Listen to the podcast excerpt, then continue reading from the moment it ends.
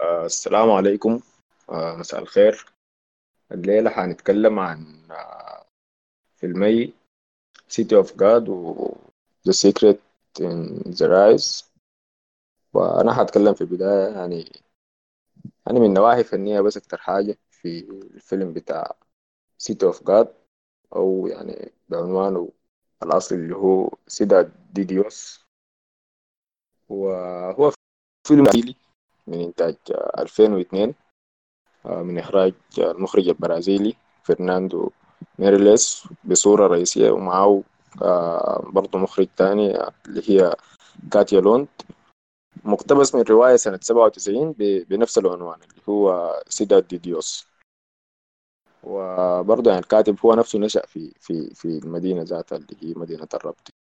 والفيلم ترشح لأربع جوائز أوسكار. يعني لأفضل مخرج وأفضل سيناريو مقتبس وأفضل تصوير وأفضل مونتاج. آه، الفيلم أحداثه بتدور في أحياء آه، مدينة آه، ريو دي جانيرو في البرازيل وخصوصا الأحياء الفقيرة. يعني الأحياء اللي اتعملت مخصوص لعزل الفقراء يعني في في الستينات من آه، من القرن الماضي في الفترة بتاعت الحكم الدكتاتوري العسكري. و يعني ال... كان أظن الحكم العسكري ده من الستينات لحد منتصف الثمانينات. وأظن دي, دي الفترة اللي بتناول الفيلم ذاته يعني.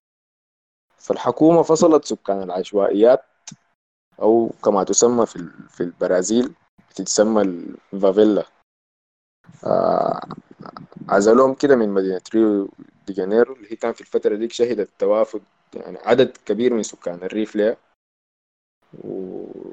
ويعني نشأت طبقة كده طبقة عاملة يعني بصورة كبيرة سكنت بطريقة ريفية داخل المدينة. فالحكومة واجهت تريف المدينة دي بأنها أنشأت الإسكانات دي عشان تعزل الناس من المدينة الحضرية دي يعني بالنسبة لهم.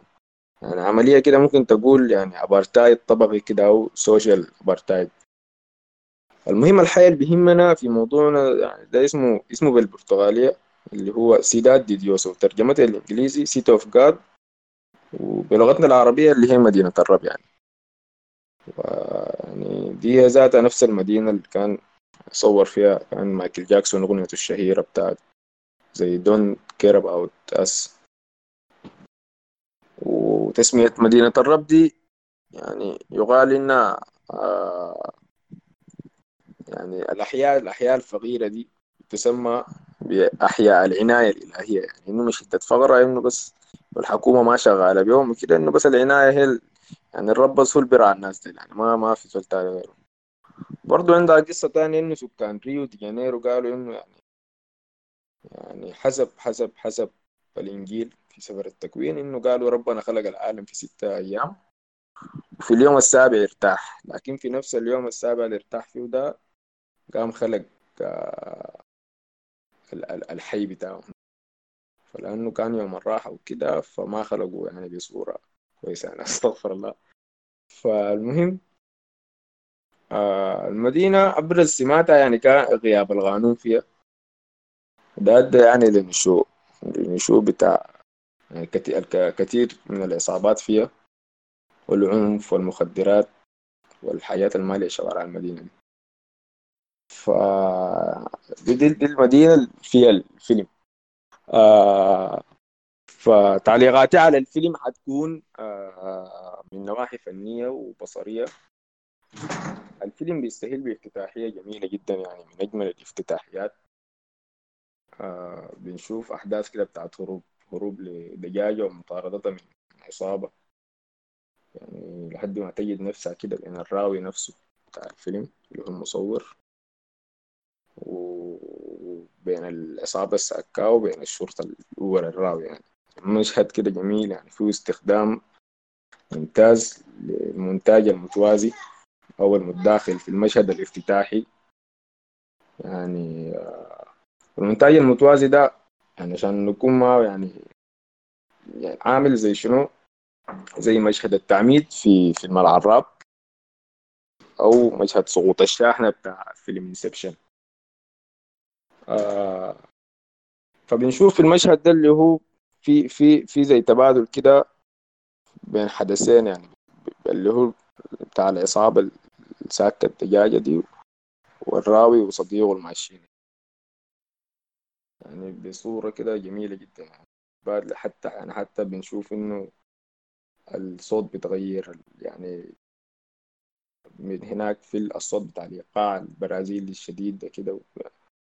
في المشهد بتاع المطاردة وبيل هنا جاي ماشيين بالراحة كده بيتونسوا.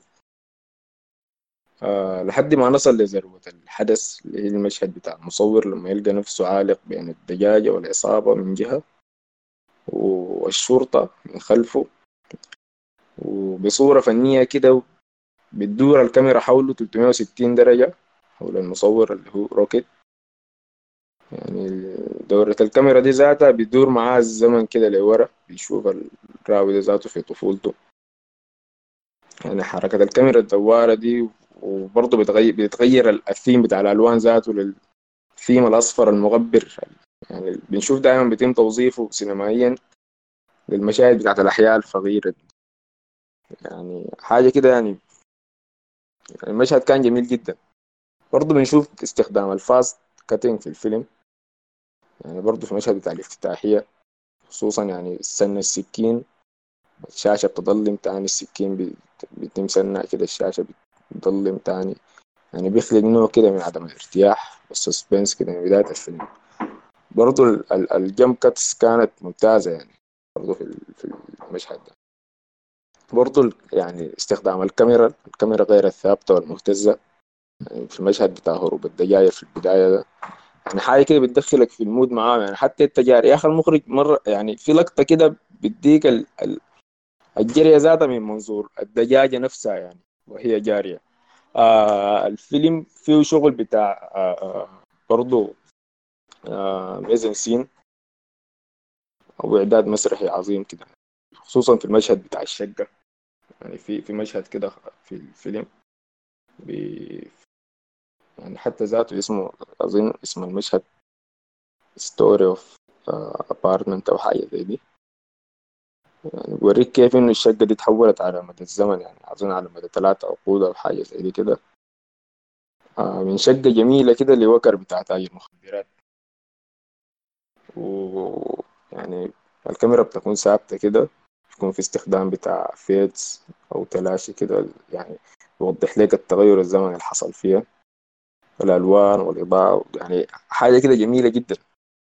يعني يعني الشقة ذاتها كانت بمثابة يعني زي قصر كده لملك لملك المدينة دي. يعني الزول بيمتلك الشقة دي بيمتلك مدينة الرب.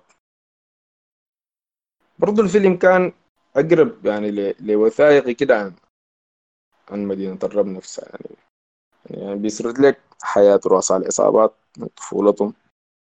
لحد لمعان نجم نجمهم كده كزعماء للعصابات ونشوب الحرب بينهم وحتى أفول نجمهم يعني.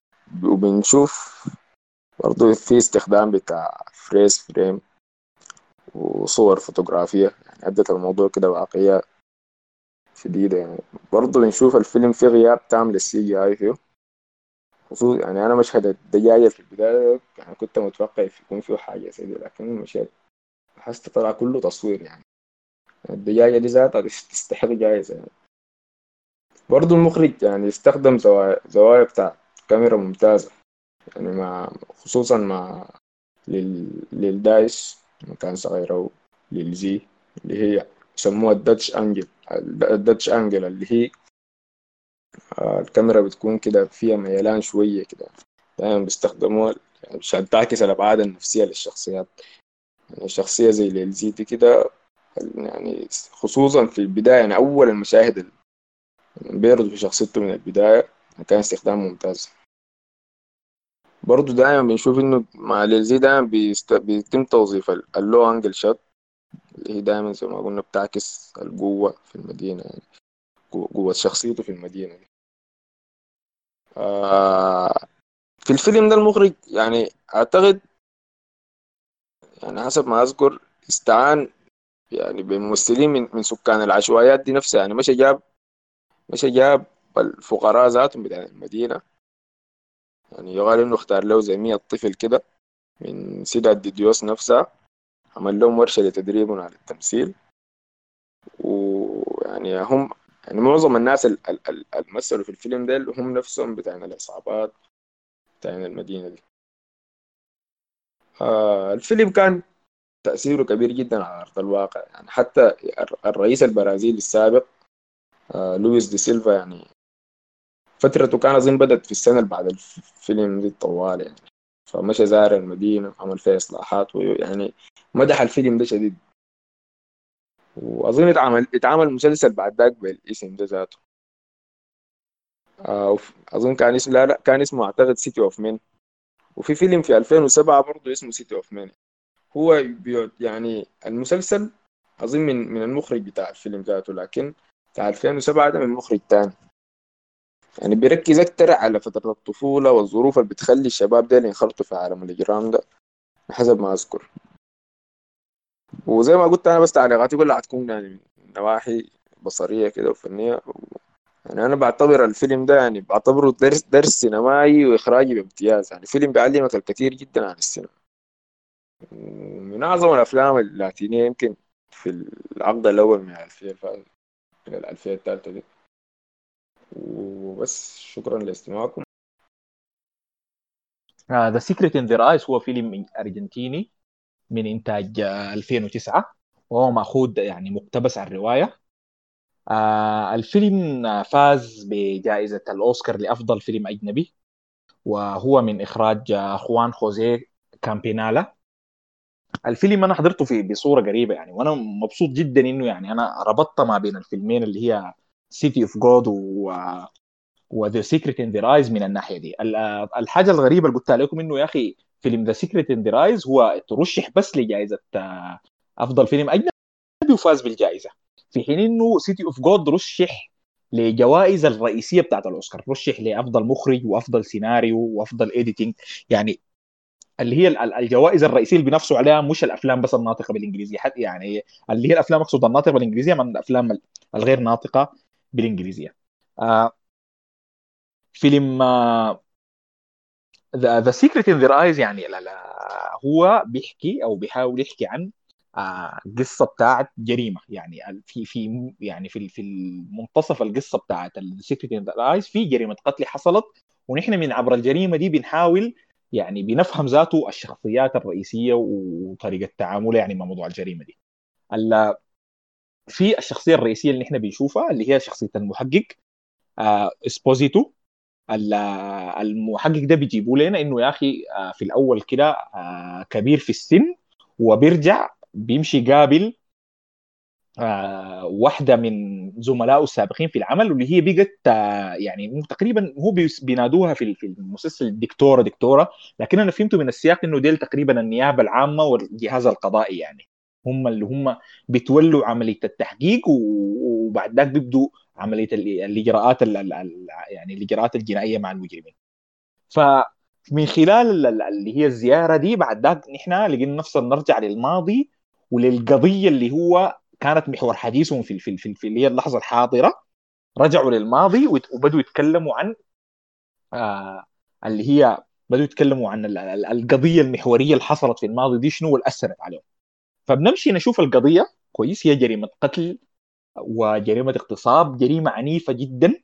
وحتى يعني اللي هو البروتاغونست أو الشخصية الرئيسية في الفيلم لما مشت شافت الجريمة دي لما جاته صدمة يعني يعني جاته صدمة شديدة من من العنف اللي حصل عليه والجريمه ففي خلال آه تحقيقه وحركته في بحثه عن الواقع ده في واحد من زملائه اللي أصلا هو كان مفروض يقوم بالقضية دي لقاه آه اتهم شخصين اللي هو يعني عبارة عن عمال يعني اتهمهم بالجريمة دي ولما مشى قابلهم لقاهم لقى الشخصيتين ديل آه حصل لهم آه حصل لهم يعني انه إنه أجبروا على الاعتراف.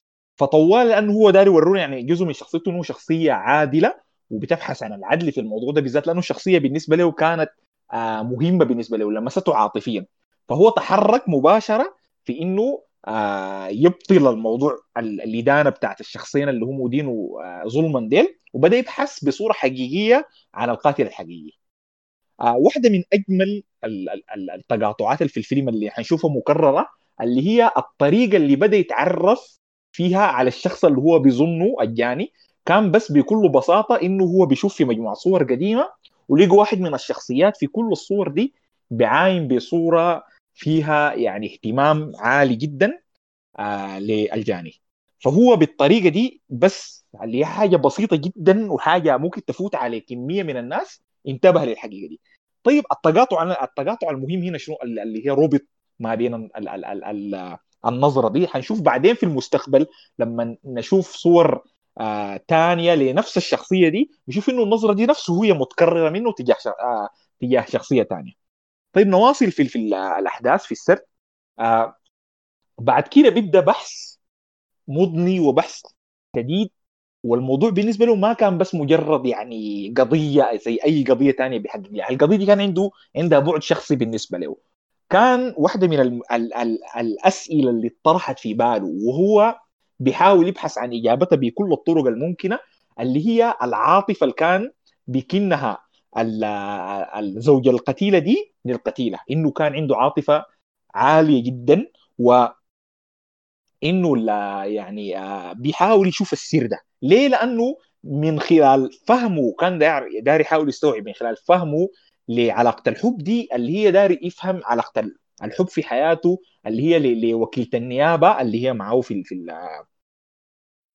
في القسم اللي هو شغال فيه يعني القسم القضائي طيب بعد ذاك الحاجات المميزة في الأحداث اللي حصلت إنه كيف هو قدر يصل يصل للقاتل كان عن طريق اللي هو واحد من مساعدينه وهو جايبينه شخصية بتاعت انه هو شخص سكير وشخص يعني غير مبالي و...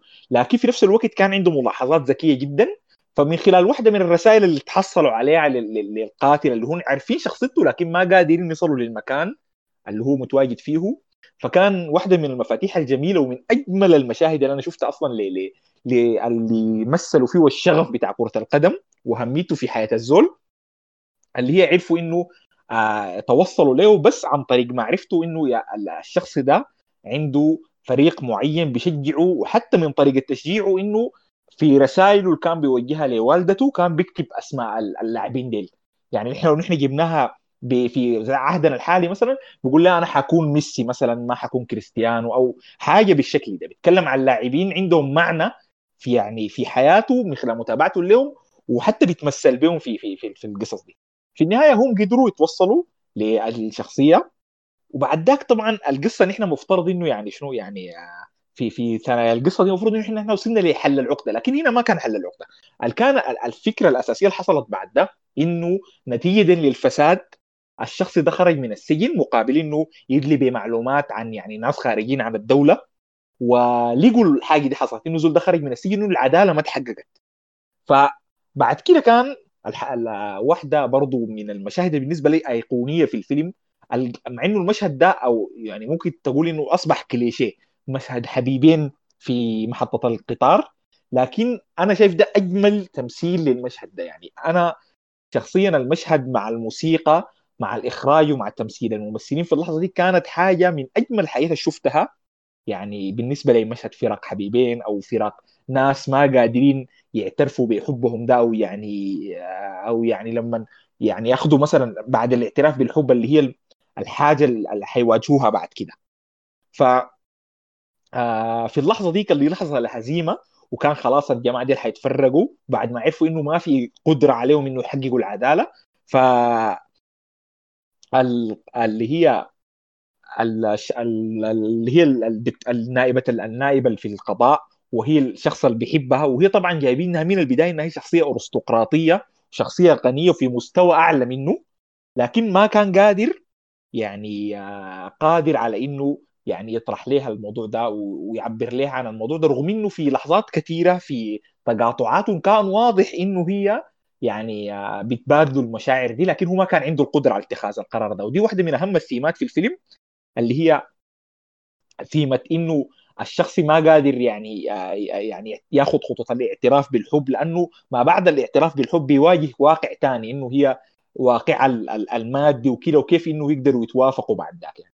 فاللقطة دي بس كانت والله يعني شخصيا أنا بستمتع بيها جدا وأنا عدت أكثر من مرة اللقطة بتاعت الفراق في القطار دي اللي بعد ما خلاص اتوافقوا إنه الموضوع ده ما حيحصل ونحن حنمشي.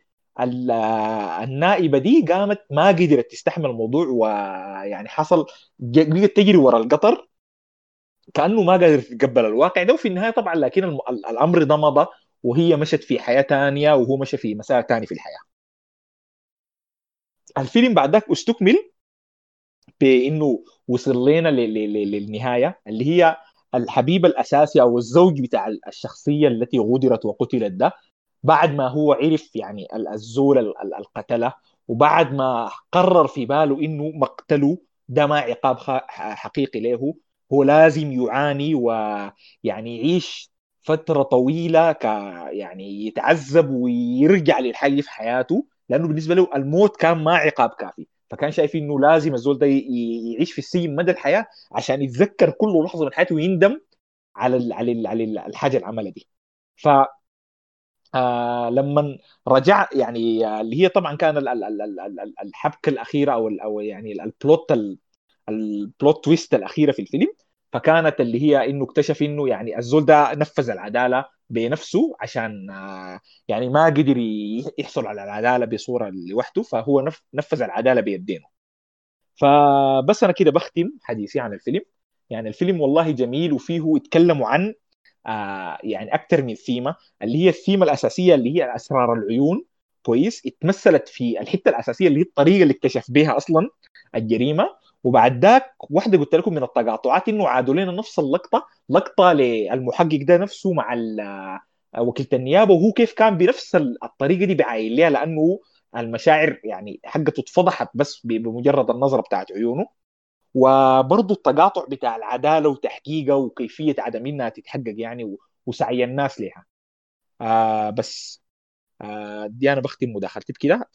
آه طيب ندي مداخلة لكودو. تفضل يا كودو. طيب شباب السلام عليكم ورحمة الله. مساء الخير عليكم جميعا. إن شاء الله كلكم كويسين. الفيلم آه، زي ما قال عمرو الصادق مشكور وشكرا لأبي على المقدمة ل City of God وشكرا لفوزي على المحاولات. آه، الموسيقى التصويرية بتاعت الفيلم وبداية الفيلم بتخليك مأسور إنك يعني تشوف في شنو يكون حاصل في الفيلم بصورة متكاملة. لأنه التصوير بتاع اللقطات الأولى وخلينا نقول ال editing في في اللقطات الأولى اللي هي تظهر لنا في قدام هي عبارة عن شنو؟ مع الموسيقى التصويرية المستعملة براها عبارة عن ارت آه، يعني حاجة كده في قمة الإبداع وفي قمة الشغل التصويري وفي قمة الإخراج وفي قمة المشاعر يعني على الرغم إنه ما في حاجات كانت واضحة شديد وما في معالم واضحة غير إنت بس بتشوف بتشوف آه أعضاء بتاع الجسم بتحاول تشتبك مع بعض وبتشوف في آه، يعني تجسيد معماري جميل جدا ظاهر بالممر بتاع القطر وبالحته المتكامله في في الفيلم فجأة كده بدأ يظهر صوت بتاع دقات بتاعت ساعة في الكلام لما نيجي يتكلم عن السجن ومدى الحياة والموت وكده لما يتكلم مع الزول اللي كان قتلوا زوجته. فالموضوع كان يعني بدي طابع بتاع إنه والله العظيم نحن المفروض نفكر في الزمن المفروض لما يتكلم عن حاجة نحن المفروض ناخذ في بالنا و و و. آه النظرات اللي هي النظرة اللي كان اللي هي التب بالنسبة للمحقق. إنه يعرف الزول اللي ممكن يكون قاتل هي كانت نفسها النظرة اللي كان عملها مع زميلته في العمل أو اللي هي الدكتورة زي ما بيقولوا لها رئيسته في العمل ايرين فالنظرات كانت بتحمل في طياتها آه، مشاعر وفيها غمار بتاع غيرة. والغيرة دي انعكست في الموضوع بتاع الجريمة اللي حصلت. الحركة بتاعت الأرقام عشان يتذكروا بها كانت حركة لطيفة شديد. آه كون إنه أنت تحاول ت remember الناس ده بوريك إنه نحن مع العمر ومع التقدم في الحياة. بنفقد حاجات كثيرة حتى كان لو كانت الذكريات عظيمة و و و في جزء بيتفقد منها. ومن ضمن الحاجات اللي بتتفقد دي الأسماء بتاعت الناس اللي بيمروا بينا في حياتنا مهما كانت قوة علاقتنا معاهم مهما كان ارتباطنا الوثيق بهم آه في تقاطعات في الفيلم بتحصل كثير وبتتشرح في اللقطة في التقاطع الثاني أو بتتشرح لقدام. ودي حاجة في العملية الإخراجية كانت إبداعية جدا. من ضمن الحاجات دي لما يجي يتكلم مع إيرين كانت أنا حسميها إيرين آه اللي هو خلينا نقول كان داسي حب حبها له في في الفيلم. أول ما يتكلم معاه والتلفون يقوم إيرين بتقوم بتجاهل التلفون. لقدام بتقوم ما بتتجاهل التلفون بقوم هو بيص... بيصير عليها انها شنو انها ما تتجا... انها ترجع للتلفون. تمام؟ آه الفيلم فيه فيه مشاعر كثيرة جياشة وفيه القيمة بتاعت الإنسانية واضحة شديد. كيف إنه أنت ممكن يكون عندك صاحبك آه بيعطف عليك وبيحاول يساندك وبيحاول يطلعك من المشاكل بتاعتك على الرغم من إنك أنت زول ممكن تكون رمة في نظر الناس كلهم حتى في نظر زوجتك اللي هي شريكة حياتك. وكيف إنه يعني وقف معاه وكيف ما يعني ما كان بيحسسه بالأغلاط اللي بيعمل فيها بصورة عنيفة ولا تشنيفية كده. فحتى لما جاء طلب إنه يساعده في ال... في ال... إنهم يمشوا لبيت الزول السسبكتد إنه هو القاتل أو هو المجرم. طلبها منه بفوق كده بطريقة لطيفة لأنه عارف إنه سكران وما واعي بصورة كويسة. وعشان ما يحسسوا بإنه هو زول ما نافع و و و الحياة الكثيرة. في لقطات في الفيلم زي ما قلت لك بالك إنه في تقاطعات بتحصل. في لقطات في الفيلم بتخليك إنك أنت تفكر يا ربي بيحصل شنو؟ يا ربي هي عملت كده ليه؟ يا ربي هو عمل كده ليه؟ والفيلم ما بيجيف إنه يبهرك إنه بيشرح لك الحياة دي بالتفصيل. واحدة من الحياة دي لما لقيته في لما كبروا يعني ولقيته في في القهوة وقامت ادته القبلة في راسه في جب في جبهة الراس ومسكت اليد. وبعد ذاك السؤال بتاع إنه القضية دي ليه ما دايره تموت؟ اللي هي القضية عنده يعني بعدين البعد الأول القضية الحقيقية والبعد الثاني أو القضية الفعلية بتاعت القتل. والبعد الثاني اللي هو القضية اللي هو بتاعت المشاعر اللي هي إنكم ما قادرين انت ما قادرين يشاركوا بها بعض ما قادرين يفصحوا عنها ما قادرين يتحملوا المسؤولية بتاعت إنهم هم يمشوا خطوة لقدام. آه الموضوع بتاع الشكوك وال يعني طرحه بتاع إنه هل دي ذكرى حقيقية ولا هي دي ذكرى داخل؟ ذكرى برضه فيه لفتة بارعة من من السيناريو الشغل اللي اتقدم لما دخل الدخله اللي هو ذكرها سامر يعني ربنا يديه العافية الدخلة الدخلة بتاعت إنه لا أنا داير أقول لك كلام مهم و و و هو عيونه لأنه زي ما بقولوا العيون لو رادا ما بيعرف اني دارا هو عيونه لأنه هو مغرم بها في كل الأوقات عيونه ما كانت بتوضح إنه هو ما دار يقول كلام غير كلام إفصاح عن المشاعر فهي افتكرت إنه هو دار يقول الحاجة دي. فلما جا قال لها إنه دار أتكلم معاك واوا قالت له نقفل الباب وفرحت إنه حيصارحها خلاص وا وا وا. آه لما نادى زميله والموضوع يتغير تماما وكده نظراته وعيونه تغيرت تغيير كبير شديد. وبيوريك الجودة بتاعت التمثيل والجودة بتاعت العملية الإخراجية ككل وبيأكد لك في كل لقطة زي ما كل لقطة في الفيلم بتأكد لك إنه الفيلم ماخذ الاسم بتاعه من المحتوى اللي هو The Secret in Their Eyes. آه الموضوع بتاع الشغف وما الشغف بيلفتنا للقطة التصويرية الرائعة جدا بتاعت الاستاد بتاع الكورة. اللقطة دي يعني كانت إبداعية كانت بتعيشك الجو بتاع الكورة جد جد. يعني اللقطة دي من الدخلة فوق وال جيب المشجعين والاختلاف بتاع الأعمار بتاعتهم واختلاف الهموم بتاعتهم واختلاف الانتماءات بتاعتهم. و و إنه الكورة قدر كيف هي حاجة عظيمة وإنه الكورة قدر كيف إنها هي حاجة بتخليك أنت مدمنة. مقارنات اللي حصلت اللي إحنا ما كنا عارفين في الفيلم إنه هو ليه ما دار يتجرأ يعمل الحاجة دي لحد ما جاء الزول خلينا نقول إنه هو السبب في إنه تشوف إنه الحكومات أو الجهات العليا الكبيرة هي سيئة لدرجه مليانة كوربشن وكده. لما قال له إنه ما في أي حاجة بتلمكم إنتوا الاثنين وقاعد يشنف فيه واوا ظهرت المقارنات هنا. المقارنات الفعلية إنك أنت هي غنية وأنت فقير هي شابة وأنت كهل هي كده هي كده. ولما اكد لهم إنه تماما ما في حاجة بتجمع بيناتهم وهم طالعين قام قال لهم في حاجة واحدة بس بتجمع بيناتكم إنه ولا واحد منكم قادر يعمل حاجة. هو كان قاصد إنه ولا واحد منكم قادر يعمل حاجة في موضوع القضية وإنه يغير العدالة والمفهوم بتاع العدالة وهم فهموها إنهم هم في نفسهم ما قادرين يعملوا حاجة وما قادرين يخطوا خطوة جادة في الموضوع بيناتهم. اللقطة بتاعت الأسانسير فيها التقاطع بتاع العيون والخوف إنها هي في اللقطة الأولى لما كانت معاهم وقاعد تحاول تستدرجه وتحاول تخليه ينفعل ويطلع من طوره بحيث إنه يظهر حقيقته.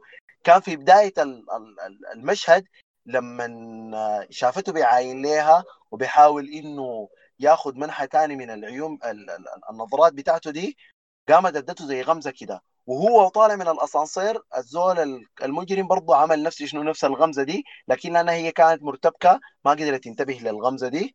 و كان في بس عيب شوية كده أنا حسيت به في ال... أنا ما أعرف لأنه طولت من الفيلم. أول ما حضرته كان اللكمة ما ظهرت في المكياج يعني ال makeup artist ما ظهرت إنه بجد البنية دي كانت جات في وش ال...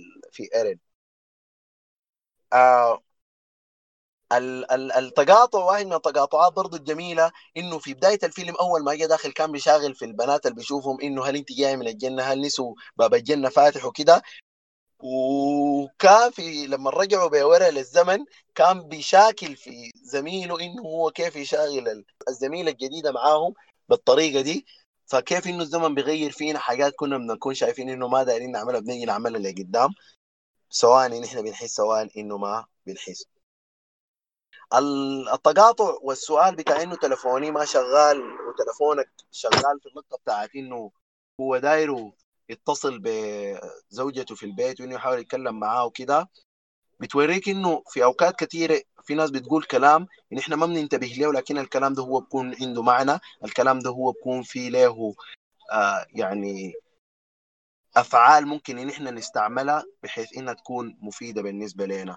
فلما رجع بالذاكرة بتاعته لورا الكلام اللي كان بيسمعوا منه إنك انت حتلقى القاتل ولما كان برجع لورا بالكلام اللي كان بيسمعوا منهم برضه إنه حتلقى حتلقى حتلقى فكان بيستفيد من الحاجات دي. في لقطة آه أو لقطات لما تظهر المشاعر الحميمية فجأة كده بتلاقي الثيم كله بيتحول لإنه في background لون أحمر الأباجورة لونها أحمر الضوء العاكس على وش على وش اسبوسيتو. أو اسبيستو اللي هو ما عارف بنطقوها كيف. آه بتذكرنا بالتحفة بتاعت الالوان الثلاثة اللون الأحمر للمخرج المبدع تشوسكوفي ولا اسمه أنا ما بعرف انطق الأسامي بصورة كويسة لكن الناس بتكون فهمت أنا قاصد شنو. فالتشابه هنا بيملاك مشاعر يعني غايته ما قصر في إنه يوصل لنا المشاعر دي بصورة آه سينمائية رائعة جدا.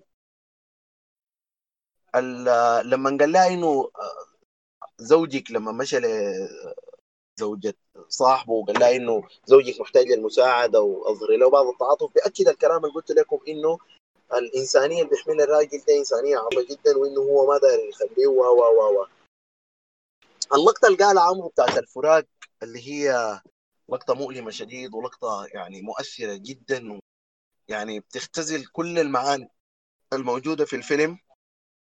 لما قال لها إنه أنا ما داير أمرق من هنا أنا داير أكون قاعد هنا. قلت له ليه داير تكون قاعد هنا؟ قام قال لها أنا داير أكون قاعد هنا عشان شغلي داير أكون قاعد هنا عشان أبوي.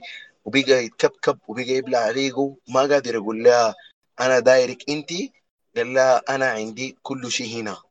وعيونه كانت بتقصد أنت. فالتوظيف بتاع التمثيل وال facial expressions والعدسات المستعملة في التصوير وإنها بتركز على عيونه بتخاطبك عديل فبتوريك بجد إنه الفيلم ده ماخذ من اسمه The Secret in Their Eyes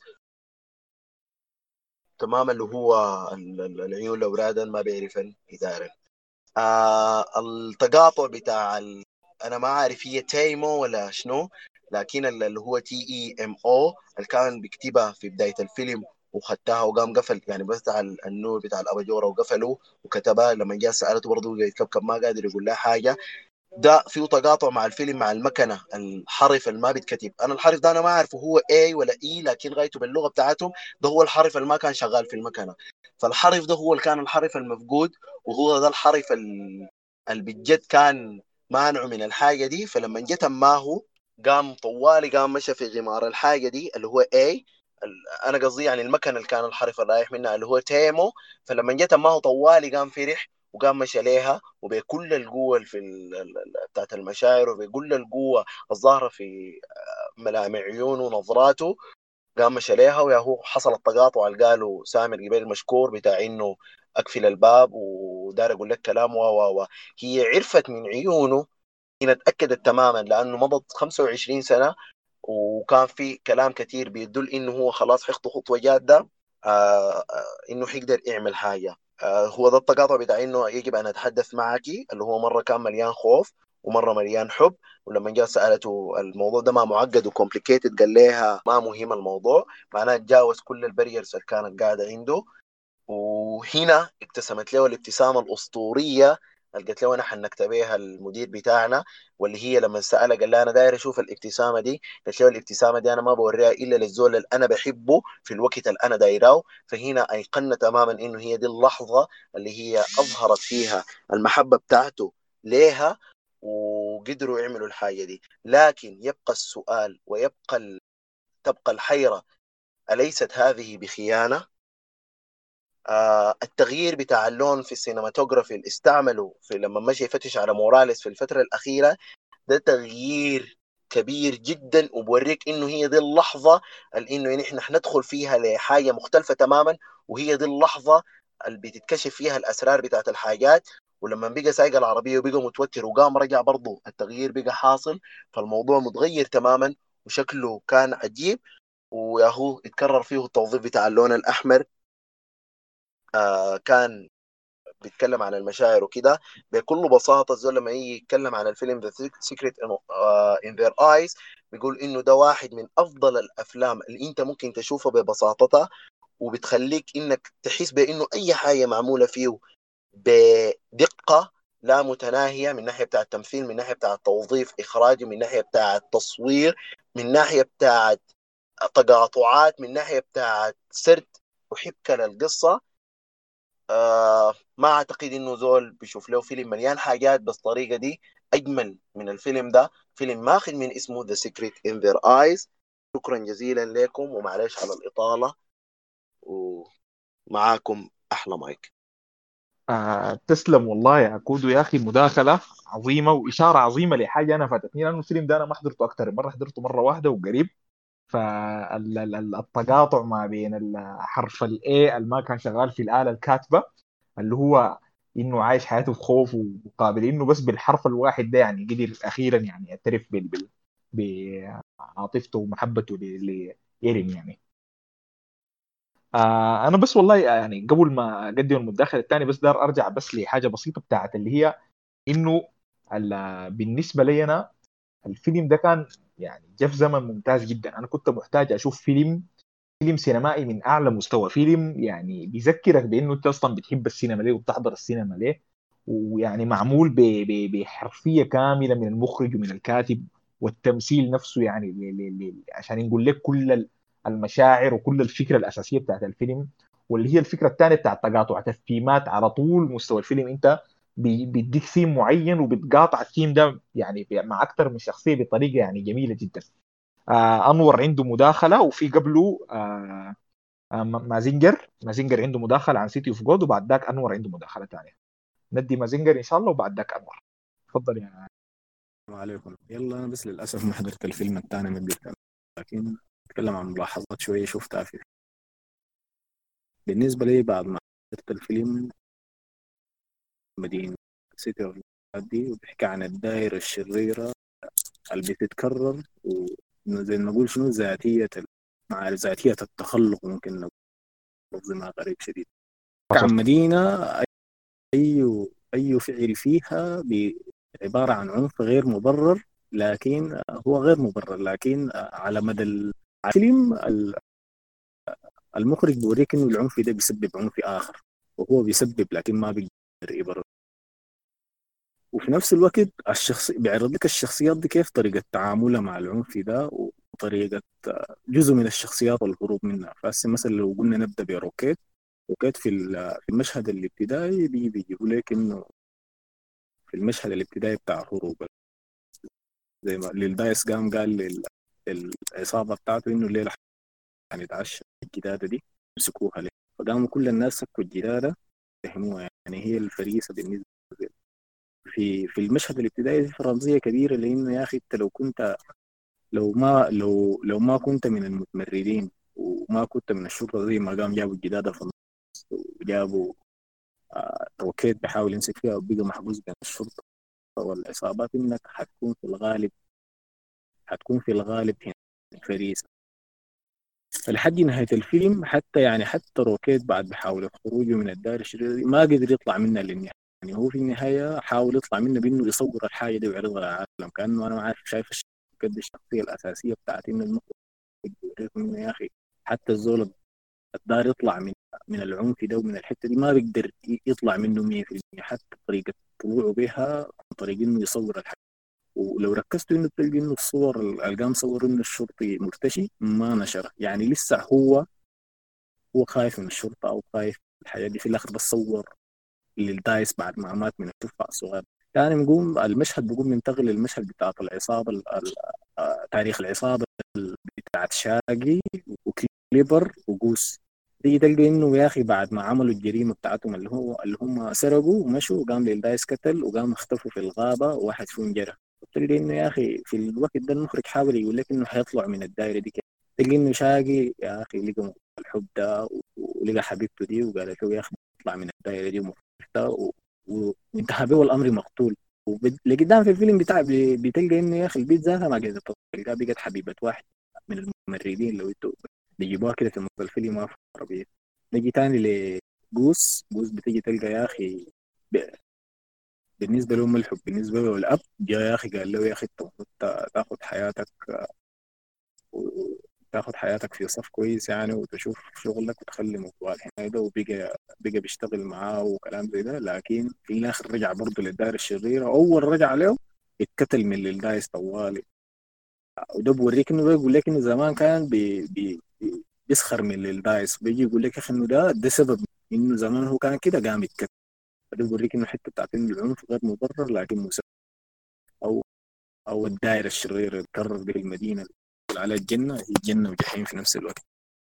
نجي تاني ل Clipper اللي هو اللي اختار الرب. هو تاني ما جابوه الا أظن المشهد اللي أنا ما متأكد لكن المشهد الختامي بيجيبوا زول ماشي قاطع بعد ما شفع مشوا والشافع جدع شبشب ذاك يجيبوا زول جاي ماشي لابس فنيله زرقاء. أنا على ما أعتقد إنه كليبر اللي اختار الرب. أعتقد دي برضه إشارة المخرج أنا ما متأكد. دي إشارة من المخرج انه الزول الوحيد اللي قدر يخرج من المدينة مع إنه قاعد جوا ساكن في المدينة وبس بقى له مبالي لكن اختار اختار الرب أو اختار إنه يكسب الحاجات دي كلها لنداء وزي ما قال إنه شاف لما كان في الغابة مع كان في الغابة مع قوس قال له يا أخي أنا شفت لي رؤية وقال لي أمشي تشتغل. بالنسبة لي تاني في الفيلم في في في رمزيات حلوة كده زي المشهد أول مشهد ظهرت فيه الشرطة أول مشهد ظهرت فيه الشرطة في مدينة كان كان الفريم كان أول الكاميرا كانت موجهة لكلاب لمسافة طويلة. كان هنا الكاتب بيعرض للشرطه بيقول لهم زي ما بيقول لهم في, الغرب انهم كلاب يعني. يعني بيجي يقول الشرطة جات هنا يكون العربية جاية جنبه كده بيكون بيصور في كلاب. الحاجة الثانية اللي عجبتني يا أخي طبعا بحثت وراء عرفت السبب يعني على طول الفيلم ده أنا ما حسيت إنه إنه الناس اللي بيمثلين دي هم ممثلين. يعني فعلا هم جد جد. نهائي ما, ما بتحس إنه في زول غريب والله الا كانت تقول الناس اللي مثلوا في الصحيفة؟ بس اللي بيلاقيها الناس أوكي. لكن أي زول قاعد في الفيلم ده فعلا بتحس به يعني ما تمثيل. يعني ده كأنه حقيقة. كأنه زي ما قال قبل اوبي انه البتاع ده documentary أكثر من إنه أكثر من إنه يعني تحس إنه فعلا دي الناس حقيقيين. الحاجة دي غايته أضافت حاجة للفيلم غايته ما, بيقدر يكررها المخرج. أنا أحس إنه ما بيقدر يكررها المخرج. ثاني الحاجات اللي لاحظتها في الفيلم طريقة التصوير يعني الكاميرا دي بالطريقة الغير ثابتة اللي بتتحرك بها الكاميرا دي تحس نفسك شافع متمرد مع ناس زي جاري معاهم بتحس بنفس ال tense اللي هم بيحسوا به ونفس ال... يعني نفس الخوف نفس الترقب ده. طيب يا مازن آه تسلم على المداخلة. في أنور عنده مداخلة وبعده إن شاء الله يداخل مولانا هاني. تفضل يا أنور. السلام عليكم. تمام أول حاجة دي أول مرة أنا أخش معاكم هنا وأول مرة تسن لي الفرصة إنه أشارك. فوالله حاجة جميلة جدا جدا وعجبت شديد جدا بالنقاش الداير عن الأفلام دي بعد ما حضرتها. حقيقة المستوى بتاع النقاش عالي احتمال يكون أعلى من المستوى بتاعنا. إحنا بس مجرد متفرجين بتاعين أفلام يعني ما عندنا التفاصيل الدقيقة الموجودة عندكم دي. لكن من زاوية مختلفة الواحد آه، يشارك في النقاش ويمكن يفهم حاجة أكتر. آه، أنا كلامي في الأول عن The Secret in Their Eyes. آه، بصراحة كده يعني آه، نبدأ أول شيء بالسلبيات بعدك نجي للإيجابيات في وجهة نظري. أنا حسيت إنه م- من بلوت بتاع جريمة بوليسية البلوت بتاع الفيلم كان ضعيف جدا جدا. آه، معظم الحاجات اللي حصلت فيه حصلت صدفة. يعني آه، كون إنه هو أصلا مشى للقضية صدفة آه، كون إنه هو قرر يمسك القضية بعد ذاك ما مفهوم ما سبب واضح وجيه. آه بعد ذاك كون إنه مشى قابل الراجل وقعد وشاف الصور وعمل اسامبشن إنه والله يا أخي الشخص ده شخص ذو اشتباه. يعني ممكن تقول عليها صدفة برضه أو قوة ملاحظة في الحالة دي. الغريب في المسألة دي إنه رغم إنه هو سمع في التحقيق والجثة موجودة إنه كانوا في شخصين مشتبه بهم موجودين في الأريا وما عار للموضوع ده أي اهتمام later on لما الشخص الثاني أو الضابط الثاني اللي معاه قبض على الاثنين ديل بالتهمة هو رفض الفكرة بتاعت إنه يكونوا ديل المجرمين حتى قبل ما يمشي ويقابلهم أصلا فيعني جاب المصداق جاب الإيمان والقناعة دي من وين؟ آه، حسيت يعني في ركاكة كده حسيت بها في المسألة دي. لما قبضوا على قبل ما يقبضوا عليه في الاستاد يعني إنك أنت تمشي تفكر إنك عايز تمشي تفتش على شخص واحد في استاد كامل بتاع كورة وأنتوا شخصين فقط يعني أقرب للحلم من الواقع. يعني حسيت إنه بيتكلموا عن فانتازيا أكتر من حقيقة منطقية. أنت بتفتش على شخص مجرم بمواصفات معينة. وداخلين الاستاد كله نفرين بس عشان يلقوه والغريبة إنهم فعلا وجدوه يعني. آه تجي بعدين للمسألة بتاعت اعترافه. يعني لولا إنه الزرارة بتاعت القميص بتاعت ال- بتاعت الدكتورة انشرطت برا لما مسكها من يدها ما كان حيكون في اعتراف جوا. صدفة برضه. ف يعني قضية بوليسية كلها صدف في صدف في صدف حاجة كده يعني فيها شنو؟ يعني حسيت إنها غريبة شوية كده.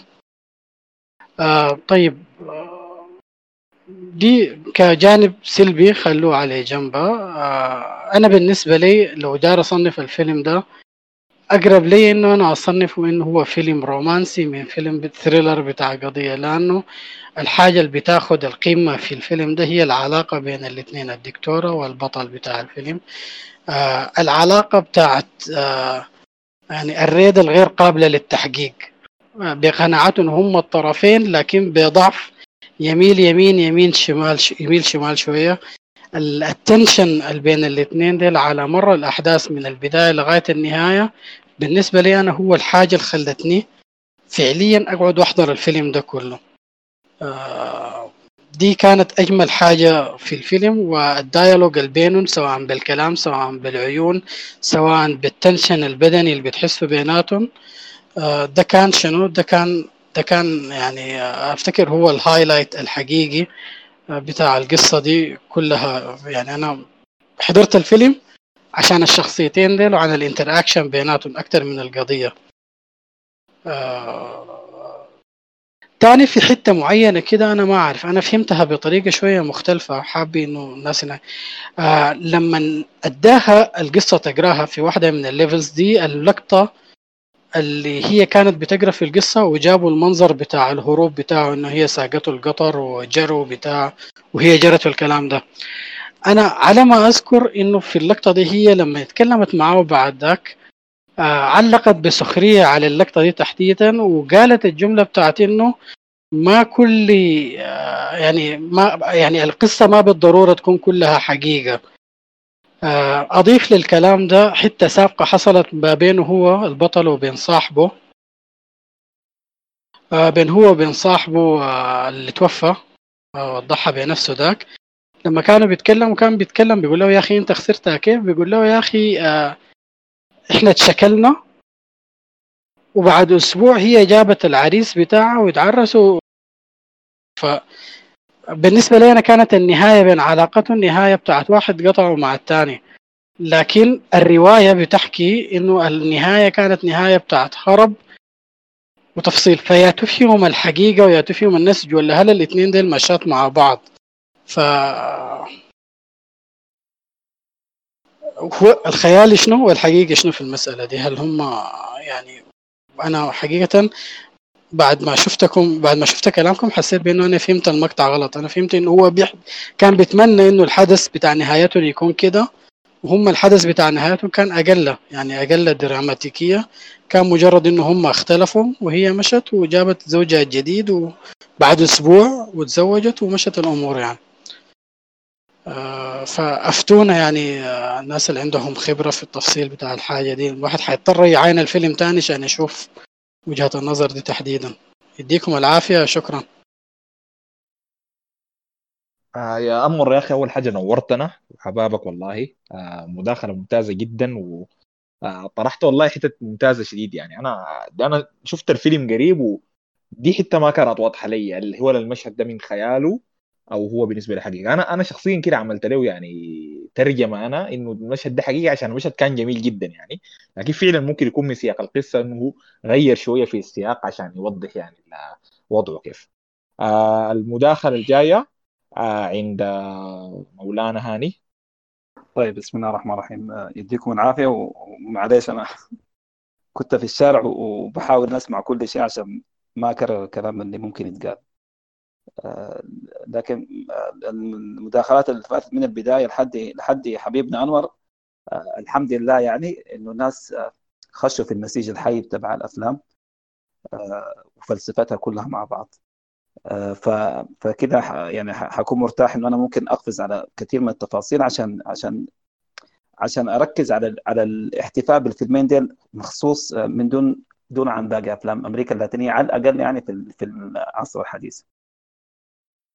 بداية هو السؤال اللي أنا سألته يعني في قاسم مشترك آه، مبني عليه الحبكة الموضوعية للفيلمين وده اللي جاوبه أحمد خليل ببراعة لما قال لك آه، اللي هو إشكالية أو أو آه، مأساة توظيف الأفراد من خلال السيستم أو النظام عموما. ولما نتكلم عن النظام نتكلم عن النظام السياسي لما نتكلم عن النظام السياسي الموجود في أمريكا اللاتينية هو تقريبا نفس النظام السياسي اللي موجود في أفريقيا وفي الشرق الأوسط يعني. ودي إحنا حنجيها بعد شوية. آه الشيء الثاني اللي أنا أتوقع إنه الفيلمين آه آه فيهم قاسم مشترك برضو اللي هو اللي هو الشغف. والفيلمين ديل رسالة للناس اللي عندنا هنا في في السيرفر مخصوصا اللي بيدعوا موت الشغف يعني. واحد من من وراء الكاميرا والثاني آه، داخل الفيلم ذاته. آه، القاسم المشترك الثالث إنه الاثنين بيبدوا من آه، من نقطة متقدمة في في القصة. بعدين بيكون في استعادة لحد ما إحنا نصل للنقطة دي ودي اللي بيسموها في كتابة في كتابة السيناريو اللي هو بيسموه ال medias res. ال City of God بدأ من إنه الهرولة بتاعت الدجاجة لحد ما بقى المصور اللي هو البطل آه، بيحاول يحصلها. وقف طلع على الشارع بقى هو في موقف انه هو بين بين نارين آه، ما بين العصابة وما بين البوليس. ومن هنا قال قال إنه الحتة دي أنا ما وصلتها يعني كأنه من كلامه إن أنا ما وصلتها لأول مرة إنه حياتي كلها كان اشبه ما بتكون دائره على أساس انه أنا دائما أكون في في في الموقف ده.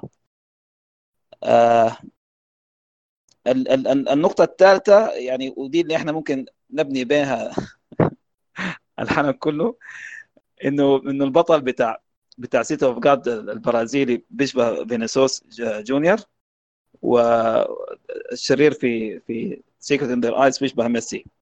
فدي كان عشان نقدر نجمع بعدين وإحنا ماشيين لقدام. أنا حبدأ آه، طيب أنا حبدا حبدأ بشكل مقتضب جدا في في City of God لكن حرجع لي أنا لازم أختم ب City of God لأنه بالنسبة لي هو فيلم ظاهرة وحنقول هو فيلم ظاهرة ليش نو طبعا الفيلم من من إخراج آه، فرناندو ميريليس هو اللي اشترى حقوق الرواية آه، من باولو لينس اللي هو كتب الرواية دي عن عن مشاهدات حقيقية سنة 1997 آه، شارك أو أو كان co, co-director معاه كاتيا لوند والعجيب إنه ما في زول يعني كان يعني أدى كاتيا لوند حقها غير فرناندو ميريليس خصوصا بعد ما شهرته وصلت لحد هوليوود. السيناريو كان لأول مرة وتخيل ده أول سيناريو بيكتبه براوليو مونتوفاني. وسيناريو كان عظيم جدا. أنا بالنسبة لي يعني مهتم جدا في موضوع السيناريو. لأنه. يا جماعة الكتاب ده أصلا هو كتاب أشبه بتكون سيرة ذاتية وتقاطعات مع أكثر من 350 شخصية فلما لما فرناندو ميرايس لما فكر إنه هو ياخذ يشتري حقوق الرواية دي عشان يعملها فيلم كان بعد تجربة أكثر من تسع سنوات في في في مجال برامج الأطفال وكان في برنامج هتذكره لكم بعد شوية معلش. هو برنامج بتاع أطفال مشهور في البرازيل وإنه يعني يعني أخرج أكثر من 180 حلقة فيه. فلما جاء بعد كده عايز يشوف ال next step أخذ ال next step ده اللي هو بيعتبر الأصعب لأنه هو حيتكلم عن عن عن أحداث حقيقية وعن وعن قضية حقيقية وساكنة المجتمع البرازيلي لحد الآن في ريو دي جانيرو طبعا. وحنجي الكلام ده لقدام. بس بداية عشان عشان نتخيل إنه إنه إنه شبه المستحيل اللي عمله شنو؟ ما تتخيلوا إن الفيلم ده فيلم عن عن سلامس وعن وعن حياة العصابات وبس. أنا أكثر ما عجبني انه هو بلورة الفلسفة كلها في في في الفيلم ده ما بين ما بين إنه هو يكون يعني خامة سياسية أدبية درامية من الدرجة الأولى يعني. وطبعا دي كان فيها كثير من من التسويات والتضحيات عشان يوصل الفيلم للحاجة دي. بداية شخصية البطل اللي هو Rocket هو هي شخصية حقيقية لكنها ما يعني هجينة. يعني لما كتبها لينس استند بها إلى شخصيته هو يعني لما كان عايش في في في City of God الفترة اللي هو كان عايش فيها وما طول هو طبعا فيها كثير ما زي حبيبنا Li'l Dice اللي حنجيبه بعد شوية. في نفس الوقت هو استند في القصة دي على واحد اللي هو يعتبر صديق طفولة له اللي كان فعلا حلمه إنه كان دار يطلع من المدينة دي وإنه كان في نفس الوقت كان عنده شغف بالتصوير الفوتوغرافي. فهو عمل دمج أو أو أو هجين ما بين الشخصيتين عشان كده دي شخصية البطل. آه تذكروا لي الاسم ده عشان حرجع له بعد بعد شوية. آه اللي هي فاطمة توليدو. آه دي أنا أعتبرها يعني حجر زاوية أصلا في في نجاح الفيلم لو إحنا جينا تكلمنا عنه. طيب من الناحية الثانية لما نمشي لسيكرت طيب عرفتوا الشغف هنا جاي من وين؟ جاي من وراء الكاميرا إنه الزول ده كان عنده شغف إنه يحقق حاجة في عرف المستحيل سواء كان على على مدى الاقتباس أو على مدى التحقيق إنك أنت تصور فيلم حقيقي semi documentary عن عن عن عن ال slums اللي موجودة ولحد ولحد إحنا بنتكلم في تاريخنا ده في في يعني في waves أو موجات من من من من التطور والنشوء اللي وصلتنا لحد الجريمة المنظمة اللي الآن الحكومة بتعاني منها في ريو دي جانيرو. من الناحية الثانية لما نيجي نتكلم عن The Secret of the the Eyes نتكلم عن الشغف كمنظومة أو خلينا نسميه كصمغ نباتي أو أو أو كهرمان هو اللي جمع كل الفسيفساء بتاع القصة عشان يصهرها في في في منظور واحد. والحاجة دي مما بدأ الفيلم لحد ما انتهى هو كان كان بيعاين بيشخص المنظور وبيعاين له مرة واثنين وثلاثة عشان انت تنتبه للحكاية دي. زي ما قال حبيبنا أنور أنا بعدين بتكلم في موضوع انه انه إنه كان فيها سلبيات وإخفاقات على مستوى الحبكة. أنا ما شايفها ابدا هي إخفاقات. هو ما فيلم بوليسي بتاع تحقيق بقدر ما هو فعلا فيلم عن الشغف ذاته وعن الحب أو خلينا نقول البناء الأساسي هو هو تفتيش عن عن عن معنى الحب والتعلق وال letting go إلى إلى آخره. من خلال جريمة حصلت أبطالها مشتركين فيها involved عشان ثم يعني يفتشوا عن عن الجريمة. يعني هو ما فيلم مثلا زي 7 اللي اللي هو علاقة الحب دي عبارة عن side dish لكن هو الفيلم مركز اولا وأخيرا على على مسألة التحقيق في الجريمة. الفيلم من إخراج زي ما قالوا خوان خوزيه كامبانيلا السيناريو كان لادواردو ساشيري اللي هو كتبها من روايته وشارك معاه في الكتابة برضه خوان خوسيه كامبانيلا وهو ده ده التقديم الثاني اللي اللي اللي, شارك فيه كامبانيلا كأحسن فيلم أجنبي في في الأوسكار. واحد كان في 2001 لكن نال الترشيح لكن ما أخذ الفيلم اللي هو El hijo de la novia Son of the Bride بعد ده جاء بعد بعد ثمانية سنين عشان عشان ياخذ الأوسكار كأحسن فيلم وأنا أتوقع إنه يستحق الفيلم ده لأنه فيلم من يعني لما نتكلم عن أفلام أمريكا اللاتينية بيعتبر من أجمل الأفلام اللي اللي صاغت دمجت ما بين التاريخ بالجغرافيا بالإنسان بالحب بكل القضايا المعاصرة اللي إحنا بنمر فيها حاليا. أحداث الفيلم طبعا إنه هو حقيقيه ال timeline بيبدأ من 1974 تقريبا لحد 2000 اللي هو في فترة بتاعت 25 سنة. زي ما قلنا إنه الفيلم أصلا الشاسيه بتاعه اللي قايم عليه الفيلم كله بيتكلم عن عن عن بحث عن معنى الشغف وبيحاول يعمل بيحاول يعمل استعادة على أساس إن إحنا بنشوف الشيء ده على مدى زمنين زمن في في ريعان الصبا لو إحنا سميناه كده وزمن في في خريف الشيخوخه عشان كده المنظور بتاع الفيلم نفسه بي بيمشي من خلال الاستعادة من خلال ذاكرة الكاتب اللي هو اسبوسيتو لما لما اتقاعد وفكر انه هو يكتب القصة دي. هو ما بقى هو ما بقى يكتب قصة الجريمة بقدر ما هو كان بيحاول يعمل فيه استرجاع عشان هو يكتب فيه قصة حياته هو وعلى أساس انه هو يفتش وين النقاط اللي انزلقت من يده وخلته يوصل للنهاية الخريفية اللي هو أسي رافضها يعني. آه وهنا بيجي مسألة التأريق انه إنه ودي واحدة من يعني من, من أجمل ومن ألعن ما يكون في الشغف انه إنه هي عبارة عن نكتة يعني نكتة سوداء أو بيضاء على حسب يعني مما. تلقاها في قلبك أصلا ما بتروح منك يعني فكرة إنه الشغف ده مات وإن أنا تخليت عنه هو ما هو للأسف هو ما بيموت ولا بيتخ... هو بي... بيبعث نفسه من الركام على أساس يكون شغف عكسي أو أو ماشي في اتجاه سلبي ثاني وده اللي إحنا حنحاول نتلمسه من خلال الفيلم وشخصياته. آه نرجع للمنظور. قلنا المنظور هو منظور استعادة من خلال آه اسبوسيتو لما هو قاعد يكتب ال semi biography. في القصة دي. عشان كده بتلقى انه انه إنه إحنا بنمشي مشوار في في, الفلاش باك ولما نرجع له لقصته الحقيقية لما نجي لموضوع الكتابه وهو قاعد يكتب بنلقى إنه في اختلافات طفيفة. هي الاختلافات أصلا الموجودة حاليا في ذهن في ذهن الكاتب أو خياله اللي بيحاول ان هو يجمع الأطراف المتناثره ويوجد الصمر ما بيناتها يعني. فعشان كده الخيال بيتدخل في حاجات كثيرة.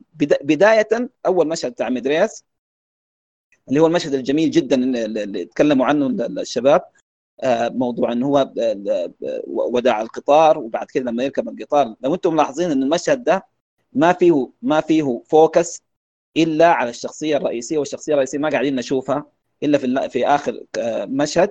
والباقي وفي focus على حبيبته لكن حبيبته ذاتها ما حتكون باينة لنا إلا في لحظة معينة. الباقي كله أنتم ملاحظين عامل زي مر السحاب يعني الناس وجريهم وال cuts بتاعت المشهد. وفيه شغل حلو والله بين يعني دمج ما بين اللقطة الحقيقية واللقطة وال chroma. ليه الكلام ده؟ عشان يوريك إنه إنه دي أول مشهد حق ميدرايس لكن إحنا بنشوفه من خلال ذاكرة الكاتب أو اللي هو اسبوسيتو يعني. فهنا الحتة يعني انه هو حيركز على حاجات وممكن يهمل حاجات ثانية لكن الحاجات دي تركيزها أو مدى أو عدم تركيزها بيرجع لشغفه ولاهتمامه الشخصي لأنه لأن هي تجربة ذاتية للكاتب. وعلى على أساس الحكاية دي هو حيختزل وإحنا عارفين انه هو حيختزل من البداية. آه طيب. آه المشهد الثاني بعديه زي ما قلت لكم في آه الفيلم ده أنا عاجبني في في حاجتين. أول حاجة في ال يعني في ال directing effort لأنه لأنه كإدارة ممثل كان كان ممتاز جدا المخرج. والشيء الثاني اللي هو كيف إنه هو قادر يفصل ما بين الزمنين اللي هو اللي إحنا بنسميه ال theme color فانتم ملاحظين كل ما نرجع فلاش باك للزمن الماضي اللي هو من 1974 لحد أربع سنين بتلقوا انه انه الجو بيكون كل الاضاءه بتكون اضاءه بتاع تنكستون يعني صفراء وبتظهر فيها ال ال ال ال بتظهر فيها آه، الحاجات الملابس ال- ال- ال- ال- ال- ال props الديكور آه، ما بين بيركز فيها على الماجنتا أو على اللون الاحمر ال maroon ده كويس لكن لما نحن نشوفه في في الزمن ذاك بنحس إنه في حميمية وفي وفي تآلف ما بين الإضاءة وما بين ال- اللون الأحمر. آه، في الناحية الثانية لما نمشي يتكلم فينا وإحنا عن عن خريف الشيخوخه في اللقطات الثانية بتلقى لا الوضع كله غارق في الرمادية واللون الأبيض وفي نفس الوقت بين كل مشهد والثاني بيرمي لك رمية اثنين ثلاثة على على حاجات maroon آه، سواء كان في ملابس آه، أو كان في آه، في ستاير أو كان في الله يكرمكم يعني جزم و props وحاجات زي كذا ليه الحكاية دي؟ هو عايز يقول لك إنه الشغف لا يموت. إنه بنفس المنظور اللي إحنا قاعدين نشوف فيها القصة من خلال اسبوسيتو وبعد وبنفس المنظور اللي إحنا كملنا فيه في في في في الزمن الثاني. لسه الحاجات ال- ال- الحمراء والمارون دي آه، بتكون آه، بتكون موجودة. القصة كلها تبدأ ك ك كبدايه شاسعة ممكن نسميها اللي هي في في في جريمة ال- ال- القتل اللي حصلت ل أنا نسيت اسمها والله معلش. آه، ومن خلال ال- ال- الجريمة دي ال- الزول ده بيحاول إن هو يسترجع آه، حياته أو يسترجع خلينا نقول شغفه أو ذاته أناه الأولى. اللي كان هو يعني اللي هو كان متعشق فيه في فترة الصبا وبيحاول ان هو يكتب. حاليا هل موضوع الكتابة هل هو موضوع استرجاع السيره الذاتيه؟ لا الكتابة هو موضوع مصالحة. إنه يحاول ان هو يوصل ل ل ل ل لجودي بتاع أمان على أساس إنه هو يقدر يعاين لورا وهو مطمن. طالب هو باين عليه إنه هو كان كان يعني هانتد وكان يعني مسكون. دائما الالتفات لورا الالتفات لورا وما شايف إنه في حاجة يعني قاعد تحصل بالعكس إنه كل مرة بيخلي الحاجة دي مستعصية إنه هو إنه هو يكمل حياته أصلا آه، في فصلها الثاني. عشان كده كان مجرد ما تزوج قعد شوية واكتشف إنه هو إن هي غلطة وطلق ورجع زي ما هو. فهو عايز يوريك إنه إنه إنه طالما ما في مصالحة آه، ما بين ما بين مراحل عمرك انت ما حتقدر تمشي لقدام لانك طول ما انت عايز تمشي لقدام حتفضل تعاين لورا. طول ما انت عايز تعاين لورا انت ما حتقدر تمشي لقدام. والديالكتيك ده هو اللي هو الجميل اللي هو حاول إن هو يصيغ فيه آه، أو يرتب فيها مشاهد الفيلم. آه، يلا نيجي لل- لل- لل- للشيء الثاني أنا أعتبر إنه هو يعني جد إبداع عديد في مسألة تصميم آه، معمار السيناريو. إنه السيناريو يا جماعة الغالب لما إحنا نكتب شخصيات في السيناريو بنحاول من خلال منظور البطل بنحاول نعمل ثلاث دوائر. دائرة بتمثل الدائرة الذاتية اللي هو جوات ال- البطل عيوننا مقلوبة للداخل عشان نحاول نفهم شخصيته هو شنو. وفي الدائرة اللي هي الدائرة ال- ال- ال- اللي بنسميها الدائرة الشخصية هي الدائرة القريبة جدا اللي هي علاقاتك الأسرية الحميمية القريبه جدا أبوك أمك أخوك أختك إلى آخره والناس اللي أثروا في موضوع التربية صديق عمرك آه، إلى آخره. وفي الدائرة الثالثة دي هي الدائرة المجتمعية. الدائرة المجتمعية غالبا هي شخصيات بتكون موجودة على أساس إنه هي اللي بتمهد لنا أو بت أو بتضادينا في طريقنا لما إحنا دايرين نحصل موضوع الرغبة، موضوع الرغبة ممكن يكون آه، تخرج ممكن يكون شهادة دكتوراه ممكن يكون عرس ممكن يكون لوتري ممكن يكون أي حاجة. فعشان كده الثلاث دوائر دي دائما بتكون في موضوع الشخصية. الجميل في الموضوع إنه السيناريو كله كقصة آه، ماشية على على على نسق الثلاث دوائر دي. إحنا بنطلع من الدائرة الأولى اللي هي الدائرة الذاتية بعدين نمشي للدائرة الثانية اللي هي الدائرة الشخصية بعد كده نمشي للدائرة الثالثة اللي هي الدائرة المجتمعية عشان إحنا نحاول نربط ال- ال- ال- النقاط آه، آه، أو أو إحنا نضع النقط آه، الناقصة على على الحروف. وقبل ما أنسى ال- ال- المجاز بتاع حرف الاي المفقود في الآلة الكاتبة ده يمكن من أجمل يعني طبعا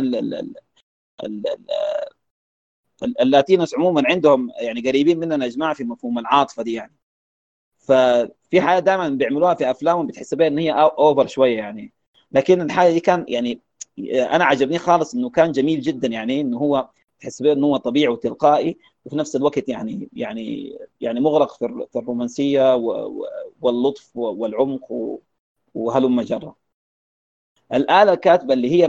لاحظوا إن الآلة الكاتبة اللي هو قاعد يتشكى منها دي اللي فاقدة فيها الايه هي مشكلة. لكن على أساس إنه الوقت ذاك يعني وده ودي حاجة بترجعنا لموضوع الشغف. إنه الشغف يا جماعة ميزته إنه هو بيتجاوز الممكن. على أساس إنه على أساس إنك تحقق المستحيل أي حاجة ثانية يا جماعة لما تكون فيكس أنت بتحاول ما بتعرف إنه الشيء ده صح ولا غلط إلا لما أنت تحاول تشوف إنه الظروف كلها مؤاتية لك عشان تقوم بالخطوة بتاعتك. إلا الشغف. الشغف ما بيهمه الظروف هل بتكون مؤاتيه ولا لا إنك أنت بتعمل عليها. فعشان كده الزول ده لما كان بيكتب كان بيكتب على حرف ال A لما لما كل عنده مشكلة لما يجي يكتب التقرير بيلقى حرف ال A مو موجود. لكن ما فكر ابدا إنه هو يصلح إنه يصلح الآلة ولا إنه هو يبدلها لأنه عقله وكيانه كله مشغول بحاجة ثانية بيعتبر إنه ده side side effect فبنفس المفهوم ده آه، هنا دي دي الحاجة الحلوة فيها إنه تلبسته لما نتكلم عن حالة الشغف اللي وصلته لحد الأخير إنه لدرجة إنه من كثر ما هو بيكتب على حرف على الآلة كاتب بحرف الاء المفقوده إنه بقى حتى إنه هو لما يكتب كلماته بيكتبها بآ سايلنت ودي اللي كشف فيها الفيلم في النهاية في المشهد الأخير. آه، أنا ما عارف إذا أنتم كلكم شفتوا الفيلم ولا لا أنا ما عايز أحرق كثير. المرة دي بس خلونا أحرق شوية بس يعني. طيب.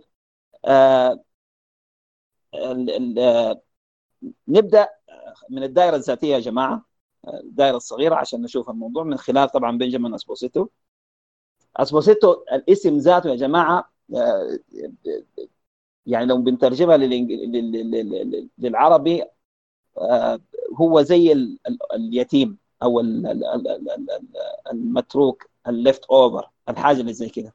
هو من البداية عايز يذكرنا إن هو إن هي الشخصية دي شخصية آه، غير اعتيادية وشخصية لحالها خلينا نسميه آه، وهو كان وكيل العدل الفيدرالي في في في الأرجنتين في الفترة ديك.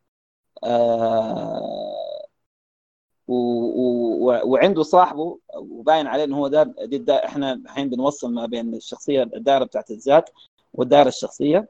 آه، بنتكلم عن آه، ساندوفال اللي هو بيعتبر المحقق اللي هو معاه واللي هو بيعتبر طبعا صديق عمره. لو ما صديق عمره ما كان حيستحمل آه، مش يستحمل انه هو يتقبل العيوب الموجودة في شخصية ساندوفال. وهم باين الاثنين إنهم عبارة عن محققين. المحقق طبعا أنت عارف إن هو بيحاول بيعاين بعين ما موجوده عند الناس الثانيين عشان كده بيقدر يكشف آه، آثار الجريمة. لكن هو ما كشف آثار الجريمة زي ناس CSI مثلا اللي هي الآلة العلمية ولا حاجة. بقدر ما هو الفطرة والحدس بتبع بتبع المحقق اللي بتوديه للحاجة دي. آه أيوه ذكرت الاسم آه كولوتو. آه ليليانا كولوتو. دي البنت اللي اللي ماتت. وأنتم ملاحظين القصة دي ذاتها. آه، لما استعادها آه، وإحنا شفناها عن طريق الفلاش باك هي باين انه القصة دي ما ما بالشكل الحميمي ذاك. حكى له طبعا آه، راجلها يعني عن حاجات يعني في موضوع الشاي وهل هو شاي بالعسل ولا كان شاي بالليمون ريكاردو موراليس. ودي واحدة من أهم الشخصيات اللي حتكون معانا في في في الفيلم إضافة لجوميز اللي هو ميسي. فهو بعد ده من الحاجة دي يا جماعة جت موضوع الرمسنة بتاعت كودو وإن هو بيتخيل انه المشهد ده كان ماشي بالطريقة دي ليه من خلال بس صور فوتوغرافية واستغراق قائم على حالة الوجد اللي هو كان بيمر فيها يعني. فمن دون المشهد ده إنه بيكون بالشكل الجميل ده ما كنا حنتخيل الكتاب أصلا في فصوله اللي حتمشي لقدام حتكون عاملة كيف.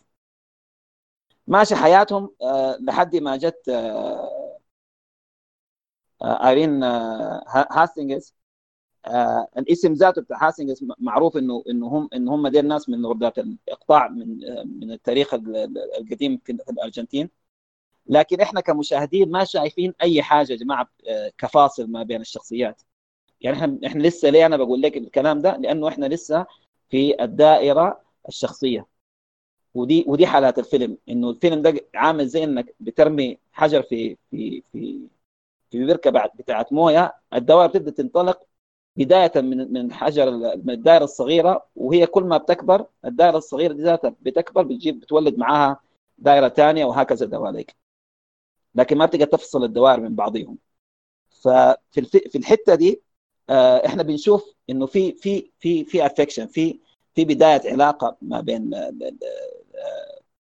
ما بين آه، اسبوسيتو وما بين ايرين آه، اللي هي جت جت من برا عشان تكون هي مديرتهم يعني. بس ده إحنا فاكرين إنه هي علاقة رئيس بمرؤوسة أو العكس يعني. وباين إن هي إنه هي ما ما أخذت المنصب ده من امتيازات آه، تبع طبقتها بقدر ما هي إنسانة وورثي يعني وجديرة بالحاجة دي.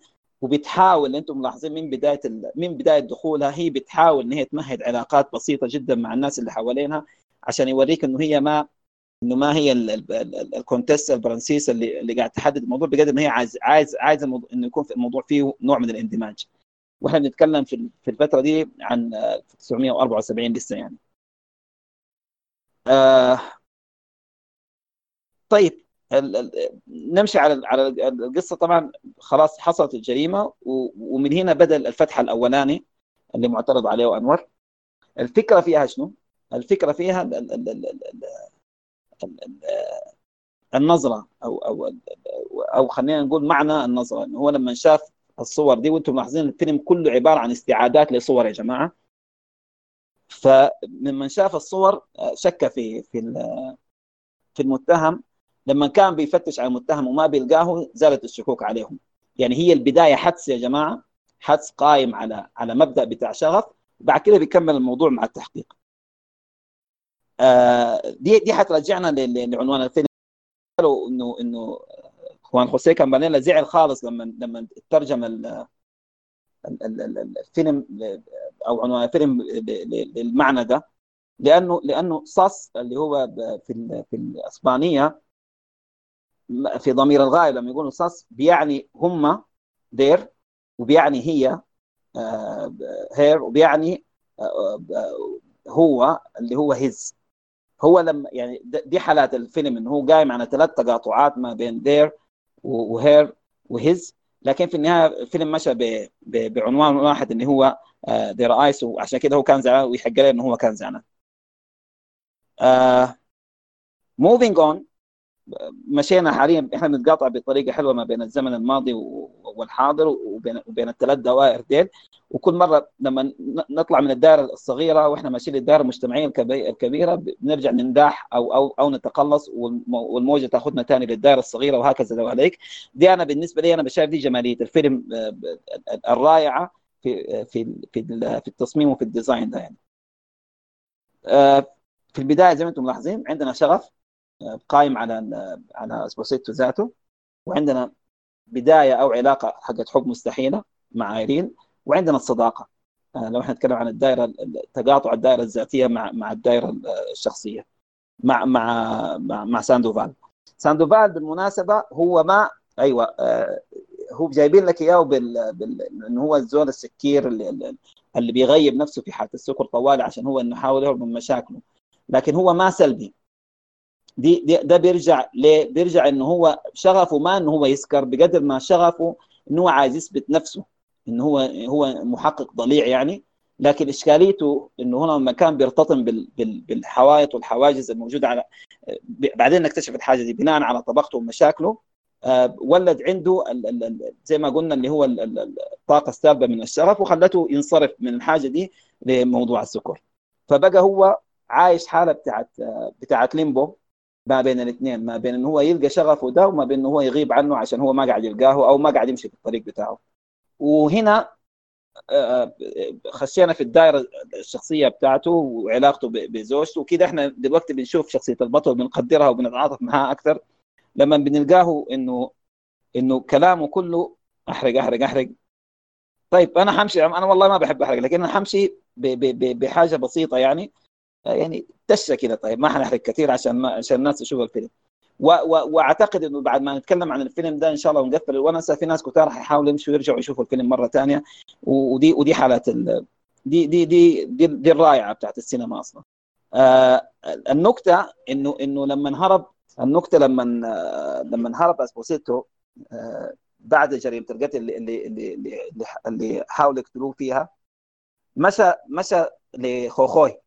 خوخوي دي ذاتها هي الحتة اللي اللي اللي أسرة آيرين يعني كالوردات عايشين فيها. فدي النكتة يعني إنه الزول ده لما انهرب عشان خايف على روحه مشى للحتة اللي أصلا هو خايف اللي عامله عاملة الحاجز بينه وبين وبين حبيبته المستحيلة آيرين. ف بتمشي القصة زي ما أنتم زي ما قال كودو زي ما قال أنور انه هي كأنها هي في البداية إحنا ماشيين بس طول الموضوع اللي هو رقصة التانجو. خطوة لقدام خطوتين لورا خطوة لقدام خطوتين لورا ما بين الزول ده وما بين أيرين وتقاطعوا في المكتب مع ساندوفال وغيرهم. انه يا جماعة يا أخي أخلصوا. زي ما بيقول مولانا الحارس يا أخي أطرح طرحك يا أخي أقعد كسر وخلينا نخلص الموضوع ده. فهو إحنا ما عارفين في البداية طبعا في الدائره الأولى إحنا ما عارفين ليه الحاجة دي مستحيلة مع إنه إحنا بنشوف إنه إنه في من نظرات عيونهم إنه إنه في في اتفاق كبير أو تواطؤ على على إن هم عايزين يمشوا حياتهم الخطوة اللي بعديها. والحاجة دي بعدين بانت في في كلام ساندوفال لما لما جاء قال له يا أخي لما هي بعد كده بقت نظام خلاص البت يعني لقت لقت لها المغترب اللي هي حتعرسه اللي هو جاهز. وهي كانت خاطه الحاجة دي على أساس إنه يا بني آدم اتحرك أعمل حاجة. لكن كده هو خلاص يعني رضخ الأمر الواقع لحد ما جاء سندوبان قال له أنت العواره دي يعني حتكمل فيها كده لحد 200 يعني. قال لها كل مكتبها عبارة عن كتالوجات بتاعت بتاعت فستان يعني أهبل أفهم إن هي قاعد توريك إنه هي يعني عشان تعمل حاجة. وبيقول هو ذاته قال يا أخي يا ليل يعني خلصنا من من الموضوع ده. وهنا إحنا بنشوف بنشوف ساندوفال إنه هو زي ما قلت لك عين المحقق في طول فترة الفيلم على قد ما هو سكران و...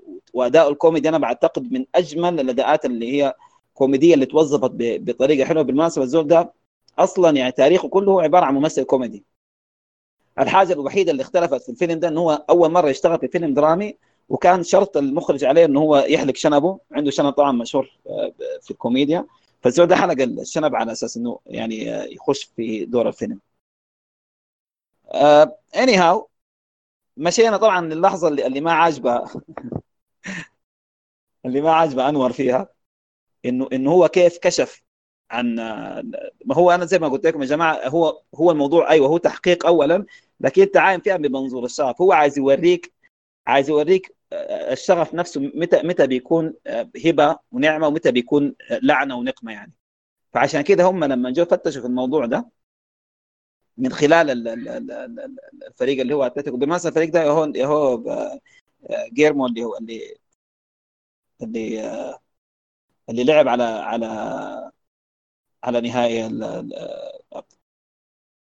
كأس العالم للأبطال واللي هو جاء منه ارثر لبرشلونة. يعني الفريق ده كان في الستينات والسبعينات ما كان فيه يا جماعة الوقت ذاك يعني بوكا جونيور ودي طبعا حطوها على جنب يعني.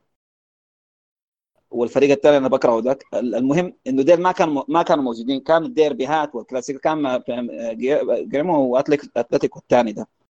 فالفكرة كلها بدت انه إنه كل مرة بيمشي البار عشان يجيب صاحبك السكران ده وبيعمل أيوه و raising إنه بيعمل معاه مشاكل على أساس إنه على أساس إنه إنه يرجعه للبيت من حالة السكن بتاعته.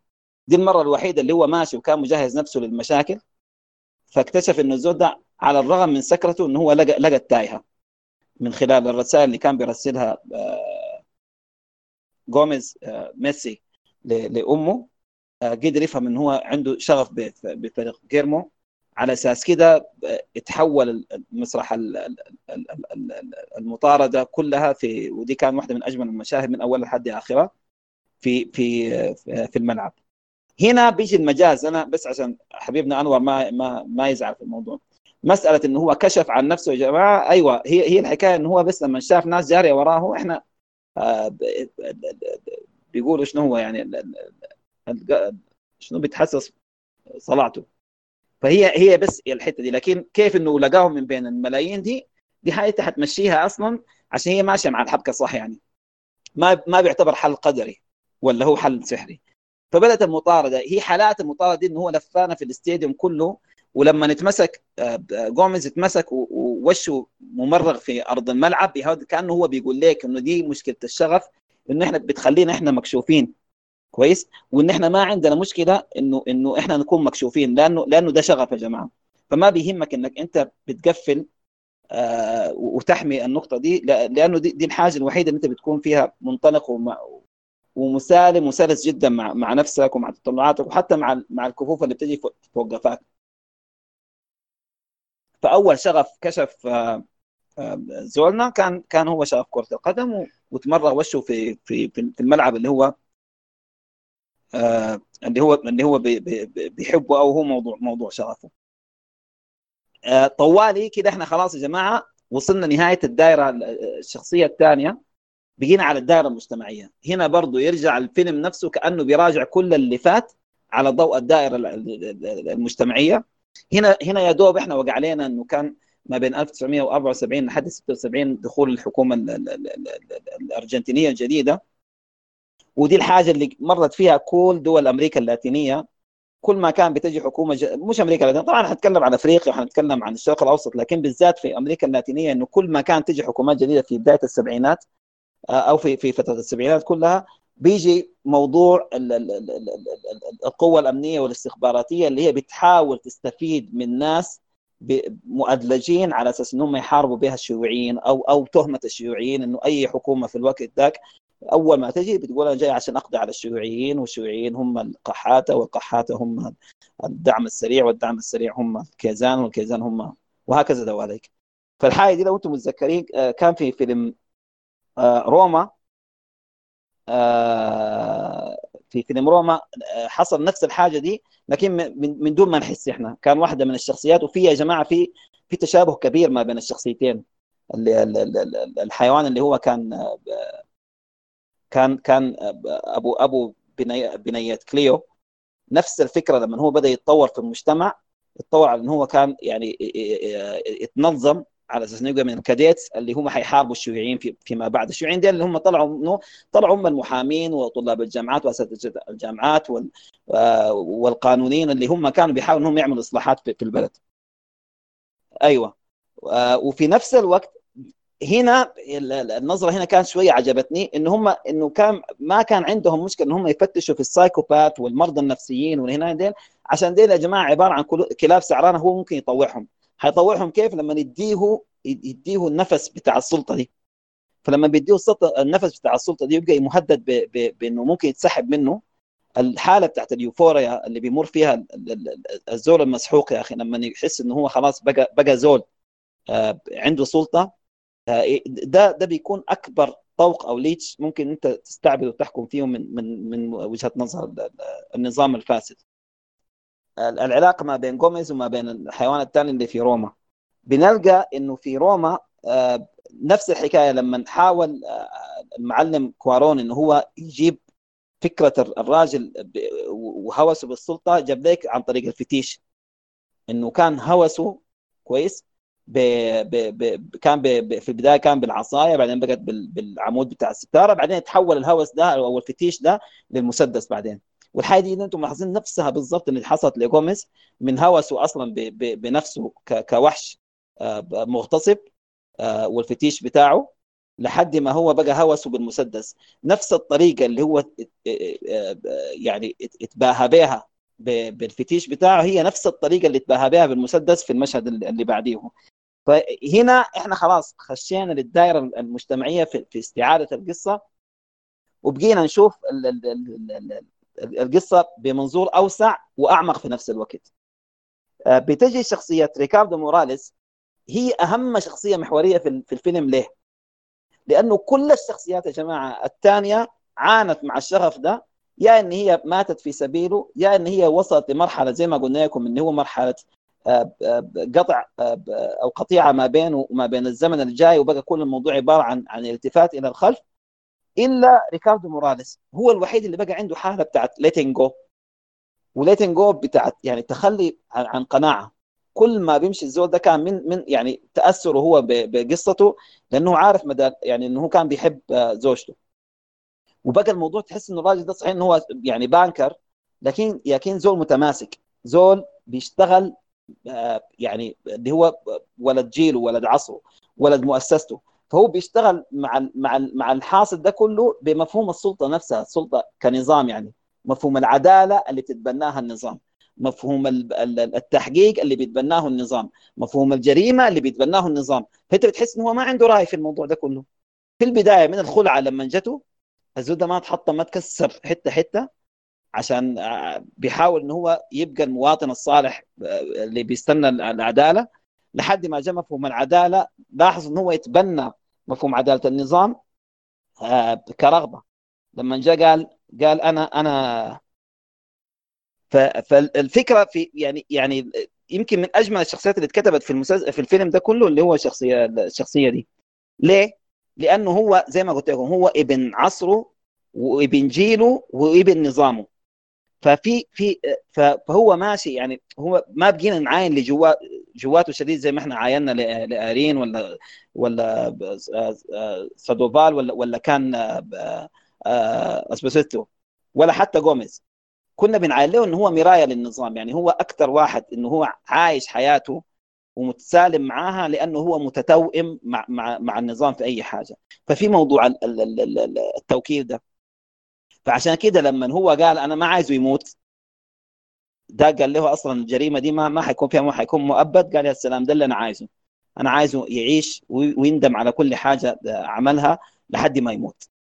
وبنفس الطريقة لما جاء وقال لما جاء وقام لقاه وقال له إحنا لقينا المجرم في البداية قام دي المرة الوحيدة اللي إحنا شفناه يتعامل بحميمية مع مع اسبوسيتو لما قام حضنه لأنه هو حضنه ما حضن اسبوسيتو بقدر ما هو حضن النظام اللي كان بيتكفل ب ب ب بتحقيق العدالة. ف ف ف فأيوة عارف الدنيا ماشيه كيف. هو مش عارف يا جماعة ده يعني دي, دي, دي هم ناس الطبقة الوسطى المتعلمة في في في دول العالم الثالث. بيكون بينهم وبين النظام يعني أشبه ما بتكون مصاهرة يعني. ف حصل حدث ما حدث ولقوا المجرم وبعد كده فجأة هنا فجأة بنشوف النظام بدأ يكشر عن عن أنيابه. لما لقينا الحيوان اللي هو المحقق اللي كان أخذ له في بداية القضية اللي أخذ له اثنين وكفتهم طلع ميتين مع انهم واحد منهم بوليفي واعترفوا بالجريمة اللي هي الأداة الوحشية الأمنية القمعية دي. والحاجة يا جماعة يعني الناس اللي في التاريخ المصري ما بين عبد الناصر والسادات دي كان فترتهم. في التاريخ التونسي ما بين بورقيبة وبين زين العابدين دي كان فترتهم. بيكون في تلميع لمنظومة الحكم الجاية أو النظام الجاي لكن ديل بيكون شغالين شغل شغل أولاد كلب يعني. فهنا ديل مشكلتهم إنه هم مع إنهم يعني أحقر خلق الله في الدنيا إنه هم ديل إنه مع كل تغيير اجتماعي جاي من من سدة السياسة ديل هم أول ناس بيرتقوا في في السلم. فاللي هو عايز يوريك إنه إنه ده الشيفتنج حاليا. إحنا مشينا في دائرة ثانية إنه الحيوان اللي كان بيكفت عشان ياخذ اعترافات ويقفل على بقى فوق. مجرد ما بقى فوق أخذ الزول ده وكان شوف عذره إنه هو كان إنه هو أيوه حيوان ومجرم لكنه ذكي جدا وإنه ممكن يساعدنا. هو ممكن ممكن يحقق معنا تحقيق العدالة في القضاء على الشيوعيين الخ الخ الخ الخ طيب خلصنا جوميز وخلصنا ريكاردو موراليس. وبعد ده خلاص بقينا نركز على الزمن اللي إحنا فيه دلوقتي اللي هو الزمن الواعي في 1999 عشان إحنا بعد كده نوصل الخطوط ما بين كل الشخصيات ومصيراتها بمعامل الشغف. فحنلقى انه إنه إيرين عاشت حياتها وبقى عندها ولدين.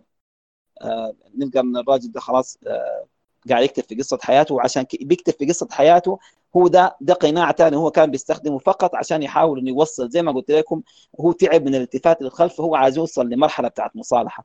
المصالحة دي بتكفل به الكتاب الكتاب ده بيكفل به إنه هو يستنطق الناس على أساس إنه يرتاح فيهم. كان أكثر حاجة شكاه في في في قلبه غير غير علاقته بأيرين اللي هو ريكاردو موراليس. اللي هو ريكاردو موراليس على أساس إنه هو ما كان فاهم إنه هو يا ربي بعد 25 سنة هل حيكون هو نفس الزول اللي هو ابن بيئته والموكل بنظامه ولا زول ثاني آه ومنها بتجي بتجي الأسئلة الوجودية اللي موجودة في خلال الفيلم اللي هو كان بيتكلم عنها دائما بيتكلم عنها اسبوسيتو مع مع لما كان بيقول له إنه كيف يعني كيف كيف بيحصل كل حاجة يعني قصده في حياته ولم أفعل شيئا ل 25 سنة؟ دي دي دي هذه الفرمله بتاعت واللعنة بتاعت الشغف اللي إحنا بنقول عليها إنه هو ما عمل ما عمل مرحلة بتاعت مصالحة. وبقى وسؤاله إنه كيف عشنا حياة بلا معنى؟ لأنه أنت دي. دي مشكلة ال letting go لما تتخلى عن شغفك يعني وما توصل فيه لحد آخره. مشكلته إنه بيمسخ لك عليك حياتك اللي قدام وتحاول إنك تعيش حياتك كأنك آلة. والكلام ده لناس فوزي وأبي وعلي الصادق والجماعة دي آه ومن هناك بقى موضوع اللون الأحمر بياخذ في البعد اللي إحنا بنقول عليه البعد المضارع في في في الرمادية دي يا جماعة هو دائما تلقى الألوان كلها ما بين الرمادي وما بين البيج الفاتح فجأة بينطق لك اللون الأحمر المارون ده. من هنا إحنا بنتذكر إن دي كلها لها علاقة somehow في بالماضي عشان كده ملابس أيرين كلها كانت أحمر في أحمر ولما نيجي هناك نلقاها إن هي لابسة أحمر أو شاربة أحمر. الستارة الستارة دي كان أجمل اللقطات اللي أنا عجبتني لما جاء ريكاردو موراليس قفل الستارة. في البداية قلت هو قاعد يذكرنا إنه هو داير يقفل الباب على الماضي لكن هو كان فعلا قاعد يقفل على الباب على الماضي وعلى وعلى يعني تحوله إلى إلى إلى حاضر. عشان ما نحرق البتاع. وده الكلام اللي كان بيأكد عليه موراليس برضه لما جاء حاول يستنطقه عشان هو داير يفهم الزول ده بالنسبة له بقى بقى يا جماعة حالة فوق الواقع إنه كيف إنسان قدر يعني أنا أنا بس العبارة عن محقق أنا ما قادر أخلي الموضوع ده ورا ظهري. فكيف أنت اللي كنت زوجة وحبيبة إنك قدرت إنك تتسالم مع الموضوع ده في مفهوم ال letting go فهو كان كان بالنسبة له هو عبارة عن عن عن mentor إنه علمني يعني لحد ما مشى هناك لقى انه الزول ده بالعكس إنه هو ما إنه ما قادر يتجاوز الحاجة دي. لكن في النهاية كان هو ابن نرجع نقول ابن جيله وابن نظامه وابن مؤسسته اللي اللي, اللي طلعته. آه آه النهاية برضه عشان ما ما, نحرقها هي هي هي العبرة والعظة من القصة دي كلها يا جماعة. إنه إنه ساندوفال خلصت حياته. أيرين حاولت إن هي تكمل في حياتها كيف ما اتفق بيبقى لنا الثلاثة ديل. جوميز موراليس أسبوسيتو. ديل الناس اللي كان لسه عندهم هوك مع مع مع مع حالة الشغف ايا كان الشغف ده يا جماعة شغف جوميز كان هو الشغف بتاع فتيش الشغف بتاع توحش الشغف بتاع بتاع أسبوسيتو. لا هو كان الشغف اللي هو نحن بنسميه الرومانسي. الشغف الثالث اللي هو كان شغف موراليس انه هو يكون ابن لمنظومته لو أنتم متخيلين المشهد في الأخير يا جماعة المشهد ما كان سجن واحد هو كان ثلاثة سجون وكانت ثلاث شخصيات هم بين ثلاثة قضبان. يعني كأنهم كلهم على أساس انه هو ما قدروا يتجاوزوا الحالة بتاعت هيمنة الماضي عليهم فبقوا هم مأسورين لحالة الماضي ما قادرين يتلفتوا على لبعض. هنا اتخلع اسبوسيتو وقرر انه هو إنه يكسر السجن ده وعشان كده هو مشى. وكسر السجن لما اتقفل الباب. وهنا بنرجع تاني لمسألة ال... إنه كيف إيه إيه الحاجة اللي بتخلينا إحنا بنفارق شغفنا؟ الخوف من إنه يكون الشغف مجرد عبء إضافي علينا في إن إحنا نستمر في حياتنا. إيه الحاجة اللي بتخلينا نكمل شغفنا لحد اخره هو الحب. ففي الوتر ده ما بين الحب والخوف دي كمان كان عجبني التوظيف اللغوي فيها. من التيمو اللي هو الخوف بال... بالآل المفقودة اللي في في الآلة الكاتبة بقت تيامو اللي هو حب أو بحبك يعني. كده إحنا خلصنا من كده إحنا خلصنا من من سيكريت ان ذير eyes عشان نمشي moving on نتكلم عن City of God هنطلع من الشغف اللي هو جوا الفيلم للشغف اللي هو من وراء الفيلم ذاته. آه قلنا إنه هو أول سيناريو لبروليو مانتوفاني وقلنا انه شخصية البطل اللي هو فينيسيوس آه إنه هو شخصية هجينة.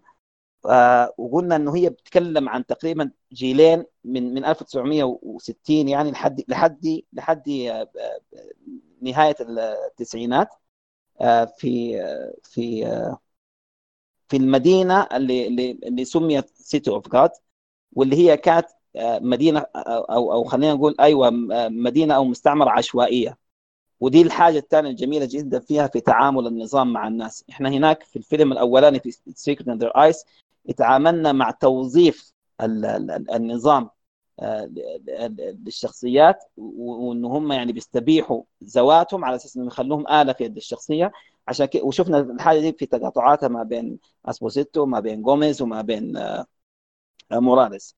هنا لا هنا الحاجة جابها لك من من ساسة عديل كده إن هي مدينة شبه عشوائية كان الحكومة دار تتخلص من الناس اللي هم اللي هم كان في البداية الناس اللي تسبب الفيضان في انهيار بيوتهم فيضان فيضان ولا طوفان whatsoever وبعد ده ال- ال- المدينة بقت بقت للضالين والناس اللي هم العشوائيين الناس اللي هم برا السكن فبقى الموضوع بيكبر بيكبر بيكبر. هنا الحكومة رافعة يدها هي ده الحل. بالنسبة للنظام يا جماعة. وأنا عايز عايزكم تعاينوا الفيلم ده من الحتة دي لأنه دي أروع حاجة في آه، في الفيلم. النظام لما بيحاول إن هو يوجد يوجد الحل مش عشان يحل المشكلة بقدر عشان ما هو يت- يتزرع إن أنا حليت المشكلة وخلاص ده, ده اللي عملته عندي. وده اللي عمله. عمل عمل سيتي اوف جاد من بداية الستينات. بدا بدأ الموضوع من من, من الستينات. هنا يا جماعة عاينوا الفيلم ده وعاينوا ل City of God بمفهوم الفوضى الخلاقة. ده أكثر حاجة لما حاولت أفكر في الفيلم ده يعني كان معمول في على أساس شنو؟ كان معمول على أساس فوضى. بيوريك إنه كيف تعاطي ال- ال- ال- الحكومات والأنظمة مع الناس مع ال communities يعني مع حيواتهم إن هم عبارة عن حيوانات أو قطيع وإنه كيف الحكاية دي بيكون فيها backfiring وبيكون فيها تشكل لتغير اجتماعي ثاني وثالث وبيتوالد فيه الموضوع عن طريق ال- الفوضى الخ- الخلاقة وكيف إن الحكومة بعد ده كله بتحاول إن هي تحاول تستلم وتهندل الموضوع مهما كان الفوضى بتوديهم لحد وين على أساس إن هي تستفيد من من الحاجة دي. آه طيب الفيلم بالمفهوم ده هو هو فيلم آه، بسرديه عشوائية وعبثيه آه، خالص. لكن هنا حالات الفيلم لما قال لك إنه الفيلم إنه مدينة أصلا مسمى آه، باسم مدينة الله.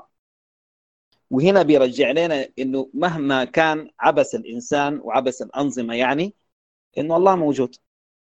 وإنه وإنه God works in mysterious ways. فالحكاية بدت من من من الستينات. وإحنا بنشوف ال- ال- ال- ال- الفوضى الخلاقة دي. طبعا ما حيكون في قانون ما حيكون في موراليتي أو أو أو أو, أو أخلاقيات. ما حيكون إحنا بنتكلم عن أقصى أو ادقع حالات الفقر والمرض والجهل. والبحث عن عن عن عن عن المقومات الأساسية فقط لل- للعيش مش إنك أنت تكون منهم آه، مجتمع أو أو- أو وهنا بيجي موضوع السلطة أو الاتكاء على السلطة على أساس إنه آه، بيعتبر ده هو هو هو المجاز ال- آه، والمخلص الحقيقي من من الأزمة دي. هنا هنا بقى هنا بقى سيتي اوف جاد نوعا ما كمجاز اشبه ما يكون بالسودان فالناس بس كلها عايزين عايزة تركب السنبك وتتخارج يعني ومنها إحنا بنشوف الفيلم بينمو يا جماعة. أتوقع انه إنه أبي وكودو وفوزي يتكلم عن الفيجوالز بما فيه الكفاية. لكن خلينا نتكلم عن فلسفة الفيلم. كيف انه إنه الحاله دي بدأت من من من وحشية خلينا نسميها آه، عبارة عن آه، عرضية. إن هي تتحول إلى جريمة ذاتية بعد كده تتحول إلى جريمة من- منظمة بعد كده تتحول إلى حرب عصابات. آه، بيستفيدوا منها المتنفذين في الحكومة. دي دي, دي ده ده السرد التاريخي لل- لل- للفيلم من من منظور الفوضى الخلاقة. آه، وين مدينة الله يعني؟ وين بيبرز آه، الله سبحانه وتعالى؟ دي عشان آه، أجمل حاجة أنا أتوقع إنه عملها آه، في كتابة الفيلم إنه إنه ركز آه، مانتوفاني على الحاله من بداية المشهد. من بداية ال- ال- العصابة الثلاثية واللي هي اللي اسمها تريو أخذنا ثلاثة. بعد ما سرقوا وشفنا فساد ال- ال- الشرطة هي بس عايزة تاخذهم بس عشان تقضي عليهم ويقفلوا الملف ده. قام واحد منهم هو فوق جته رؤية. الرؤية دي إحنا ذات ما فاهمينها لكن هنا جته السكينة خلينا نسميها أو أو زي ما بيسموها المسيحيين يعني يعني هي جاد ذا كول مباشرة أول ما جته ال- ال- ال- ال- الحاجة دي نزل وقال خلاص أنا ثاني ال- ال- ال- الحياة دي ثاني أنا ما أقدر أعيش ومشى. ففي مشهد يا أخي من أحلى مشاهد الفيلم مع إنه جاء جاء من بدايته آه، اللي هي الطلقة العشوائية اللي فجأة ما بنعرف مين مين ضربها. هل هم الشرطة ولا هل هم مين؟ وهو لما كان ماشي ماشي على الكنيسة آه، جت قاطع معاه واحد ثاني ماشي في الاتجاه المقابل ولما سمع واحد بيقول له أقيف أقيف ما وقف هو بقى يمشي. هو عرف انه إنه الله بيناديه حاليا. فهو ما كان عنده مشكلة حتى إنه حياته تنتهي بالحتة دي طالما هو لقى الوجهه اللي ممكن يقبل عليها. اللي هو الانع- الانعتاق والخلاص يعني فجت الطلقة فشفنا الطلقة الكاميرا مشت معاها يعني زوب شوتس وماشية معاها في العنايه وفجأة الطلقة دي فجأة كده لقينا نفسها طق كسرت ال- ال- المراية بتاعت العربية اللي هو بعد كده عدى منها وكمل طريقه لحد لحد النهايه كده اتكسر ضلعين كده إحنا إحنا فهمنا إنه إنه إنه إنه في في في ديفاين انترفنشن أو أو أو تدخل إلهي حنشوفه قدام. ما بس طبعا ما حيكون بالوضوح ده. لكن لكن هو ده ده هو اللي حصل. هتكلم بعد كده في في في في نقطة مهمة جدا. عمل عمل شنو عمل عمل شنو مرائس عشان عشان يقدر يصنع بايع عليه. وليه الرايعه دي يا جماعة؟ أنا زي ما قلت ما هو ما فيلم حق عصابات لأنه أفلام العصابات أو أو ال slums دي يعني موجودة في كل في كل سينما في العالم. لكن الفلسفة بتاعتها دي يمكن هي أكثر حاجة عجبتني خالص مع انه مع إنه هي فعلا جاية من adaptation لكن كان في كان في رؤية ومنظور لها. بدأت إنه City of God من من أو مدينة الله من الفوضى الخلاقة اللي اخترعتها الحكومة بس عشان تتخلص من المشكلة. آه، وصلنا ل Tender Trio آه، اللي هو آه، الثلاثة شاقي و وأظن تاندي وكليبر بالمناسبة الاسماء البرازيلية لازم عندها معنى مقارن في, الإنجليزية. فأنت لما تقرأ الاسم البرازيلي حتقعد تفتش على معنى لكن الناس اللي تابعوها بترجمة إنجليزية بيلقوا إنه الأسماء دي نفسها هي أسماء مترجمة من أسماء يعني يعني Rocket هو ما اسمه Rocket يعني أصلا. يعني أنا قصدي مش اسمه الحقيقي حتى اللقب. إنه Rocket يعني مأخوذة من من الألعاب النارية عشان ودي القصة الحقيقية يعني هو زي زي شغلنا إحنا في الحواري يعني بي بيطلعوا لنا ألقاب. جاي على الأساس ده لكن الفكرة إنه من البرتغالي عشان يتحول إنجليزي لازم يكون في لازم يكون في هزة بتاعت معنى يعني عشان واحد يلقى الحاجة دي. من بداية الستينات لما حصلت الجريمة الأولى آه، بتاع أخونا العوير اللي هو كان له علاقة مع شاقي آه، لما حصلت الجريمة إيش أول حاجة انتبهنا لها ليه؟ وإحنا متوقعين أصلا إحنا شفنا الجريمة أصلا قاعد بكثرة. لقينا إنه بقوا في صحفيين بيجوا يخشوا المدينة عشان يغطوا الأحداث دي. هنا هنا الفوضى الخلاقة آه، قدرت تهيمن من من من منظومة المجتمع الحديث. إنه بيمثل لهم حاليا مع مع جرائمهم مع مآسيهم بيمثل لهم يعني مادة ممتعة جدا في في في صحافة الأحداث. هو كأنه زي ما زي ما ورانا هو بيوريك انه إنه وين طريق الله اللي, اللي اخذوا آه، اللي اخذوا كليبر. آه، هو قاعد يوريك كيف إنه المجتمع ذاته من من الحاجة دي عايز عايز يطلع له عايز عايز يعمل يعمل شيء بيناسب المجتمع ده. وهنا آه، وصلنا لشخصية آه، آه، ليل ديوس. طبعا ديوس دي ها الله يعني عشان كده بعد هو تحول من من ليل زي لليل ديوس عشان إنه هو قاعد يكبر. زي هي أصلا من البرتغال متحوله للانجليزيه هي جو. هو اسمه جوزيف. فمن ليل جوزيف ليل جو آه ليل زي. آه بعد كده بقى ليل ديوس بعدين يعني. هو عايز يوريك إنه دي السطوة اللي الناس بيفتشوا عنها يعني. آه آه نكمل مع مع دي, دي بداية المثلث بتاع بتاع ال City of في الستينات. كويس؟ آه انتقلنا بعدين للسبعينات. القصة ما عايز احرقها لأنه الفيلم ده يعني هو صعب يتحرق يا جماعة لكن يعني لازم يتشاف والله. أنا ما أعرف انه أنا حاسس شديد لو لو الناس دي كلها ما شافت الفيلم ده بالذات يعني. فمن من هنا من الفوضى الخلاقة دي يا جماعة من مفهوم الجريمة اللي هو كان مقسم بين ثلاثة. آه، واحد منهم بمفهوم روبن هود واحد منهم بمفهوم آه، بول الرسول واحد منهم بمفهوم ما عارف منه يعني كان في أخلاقيات إنه لا إنه تحتيهم صبيانهم هم اللي جو عشان عشان عشان يكسروا موضوع الأخلاقيات دي وإنه يبقى الموضوع إن هي سلطة وسلطة فاحشة متوحشة جدا اللي هي اللي مثلها في النهاية آه، يعني ال underdog بتاعهم آه، Li'l Zé اللي بقى بعد كده Li'l Dice وده هو اللي بنى عليه عماد الفيلم. آه، طبعا بالمناسبة دي, دي شخصية حقيقية. يعني دي شخصية أنا يعني قصدي إنه ده ما كان ممثل ده ده كان آه، يعني كان واحد عايش في ال slums عايش في City of God وجابوه عشان يمثل الدور يعني. كويس؟ ونفس الحكاية روكيت كان واحد من الناس اللي عاشوا فترة في City of God وبعد كده طلع منها. دي دي, دي الشخصيات حقيقية. دي ما كانوا ممثلين ابدا. ودي حاجة من يعني دي الحاجة أنا عجبتني واحترمتها شديد في مورايس لما لما عمل ال casting وعمل الموتيفيتنج بتاع الفيلم إنه هو كان ما بيفتش عن نجوم ابدا عشان عشان يقوم بالفيلم. كان عايز يفتش عن السلمس وناس غير مشهورين جدا عشان يقدر يشتغل على على راحته. أشهر شخصية يا جماعة كان أعتقد اللي هو يهول الأبيضاني اللي هو كان رئيس العصابة المنافسة. الزول ده كان لما جاء بدا معاه ووقع معاه العقد وكده على ما كان مشهور. فلما في فترة إعداد الفيلم الزول ده خش كان في مسرحية ومن المسرحية اشتهر تحولت لفيلم وبقى فجأة كده بقى زول مشهور خالص. فزعل مرايس خالص فمشى عليه وكان المفروض ياخذ واحد من ال leads يعني من الأدوار الكبيرة.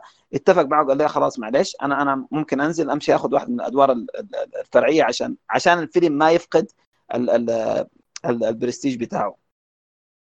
طيب انت حتتعامل مع أولاد حقيقيين يا جماعة هم كانوا أولاد أولاد شوارع أو أولاد عصابات آه، الموجودين كانوا في City of God طبعا التصوير كان يستحيل إنه يتصور في نفس City of God لأن لحد الآن يا جماعة هي أحياء بتاعت جريمة. وأحياء بتاع جريمة يعني daily يعني يعني ما بيمر يوم إلا بيكون في ضرب نار. فهم أخذوا الحاجة دي الناس ديل من الحقيقي وقاموا نقلوهم لأطرف أحياء. City of God بعيد شوية عشان يقدروا يصوروا ويشتغلوا على راحتهم. ففي الحاجة دي نرجع لفاطمة وليدو اللي هي عبارة عن خبيرة تمثيل وأداء آه، جاية هي عشان تدرب آه، جاية هي عشان تدرب الممثلين وتديهم من إحساس انه هو كيف كيف يقدر يمثل بطبيعته واحد. اثنين كيف يقدر يتقمص أداء حاجات حقيقية آه، ممكن تكون حصلت له ما ممكن تحصل له الحالة دي فرناندو مورايس بقى هو زيه زي زيه زي التلميذ بالمناسبة إنه كان بيتفاجأ بحاجات ناس العصابات ذاتهم يوروها له وما كان عنده فكرة عنها. فهو بقى شنو؟ بقى شغال بي بيأسس المشهد وأضانه للناس دي على أساس إنه يدي الفيلم authenticity أو أو أو مصداقية أكثر يعني يعني في مشهد في بداية هنا يا جماعة عصابة التريو لما جاء خش وبعد كده الأبوة ولا الخال كفت هنا كف. آه، هو المفروض بس كف وانتهينا يعني. بحكم إنه فرناندو مورايز جاي من الطبقة الوسطى يعني بيفهم الموضوع ده يعني المفروض يكون عاصف وقوي و tension والناس تسكت وكده. فجأة أخوه الصغير بقى يضحك زي الأهبل يعني. كويس؟ هنا هنا وقع عليه إن أنا بتعامل مع طبقة ثانية بأخلاقيات ثانية بفهم ثاني فما حب يقطع الحتة دي. وكرر الحاجة دي في أكثر من مشهد. على أساس إنه يدينا زي ما قلت لكم يدونا مصداقية فيها. النكتة عشان ما أنساها يعني النكتة إنه آه، الشخصيتين الرئيسيين الأبطال اللي هم آه، فينيسوس وليلزي لما جو قعدوهم على أساس يوقعوا معهم العقد بتاع التمثيل فكان الشركة بتاع الانتاج خيرتهم. لهم يا أخي يا إن إحنا نديكم آه، مبلغ 10000 برازيلي لكل واحد اللي هو بما يعادل 3000 دولار في الوقت ذاك أو إنه إحنا نديكم نسبة من شباك التذاكر. الاثنين يا جماعة قالوا إحنا ما لنا نسبة وكلام زي كده ادونا بس ادونا دياننا وخلنا نروح حالنا زي ما بيقولوا المغاربة. فكانوا وقعوا العقد عشان هم ياخذوا 3000 دولار دي. النكتة إنه إنه في حالة إنه كان حيتوقع معاهم آه، نسبة من شباك التذاكر ما كان حيقل عن 4% يا أخي لو كان 1% بس يا جماعة كان المبلغ حيعادل 100000 دولار لكل واحد منهم اللي هو أكثر من 25 ضعف للاثنين ديل. فده بيوريك سبحان الله إنه ال mentality ذاتهم إنه نازل أو أولاد بيئتهم إنه ما ما ما قدروا يفكروا في الموضوع ده. وإحنا ما ممكن ما ممكن ابدا يا جماعة. هو صحيح ابن 60 كلب وحيوان وحقير وأي شيء لكن آه، إحنا ما ممكن آه، نتخيل إنه إحنا آه، نحضر City of God أو حتى Pulp Fiction من دون آه، من دون آه، تدخل فني من آه، من هارفي وينستين لما كان ماسك ميرامكس ايامها لما الله يطراها بالخير. لأنه لأنه الفيلم ده يا جماعة بعد ما نجح في البرازيل في 2002 اتقدم كتقدمة من من من السينما البرازيلية عشان هي انها هي تشارك في الأوسكار السنة ديك يعني. ف فما حصل. فشلت انه إنه حتى إنها تطلع يعني كترشيح. الحاجة دي بعد ما نجح الفيلم هارفي وينستون لما شاف الموضوع ده هو اللي هو اللي اصر إنه هو يعمل لها حملة بتاعت إعادة إصدار في في في السينما الأمريكية في 2003 2004 على أساس إنه الناس تيجي تشوف الفيلم لأنه هو لما شاف الفيلم قال ده ده فيلم خرافي فيلم مستحيل إن الناس ما تشوفه. فكان عنده الحس ده.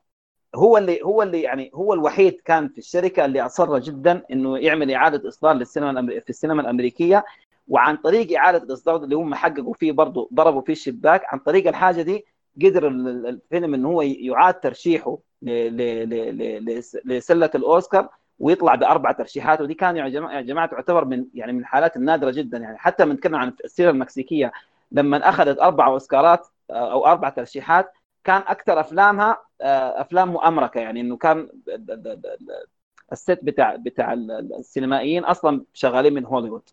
فدي حاجة ما تتنسى اليوم في نفس الوقت يا جماعة هارفي وينستين بالمناسبة ما كنت حتشوف Pulp Fiction لو ما الحيوان هارفي وينستين لأنه لأنه هو اللي استفاد من علاقاته لما آمن بالفيلم ده يعني. إنه قال الفيلم ده لازم يتعمل وعن طريقه قدر يتصلوا مع ال cast الخرافي اللي كان موجود.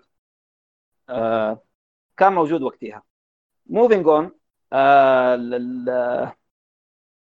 هنا الحكاية يلا مشت زي ما قلنا فوضى الخلاقه كل مرة بيطلع الجريمة بياخذ شكل تيجي الحكومة تحاول إن هي تستفيد منه سواء كان استفادة إعلامية أو استفادة مؤسسية أو أو أو استفادة سياسية قذرة يعني.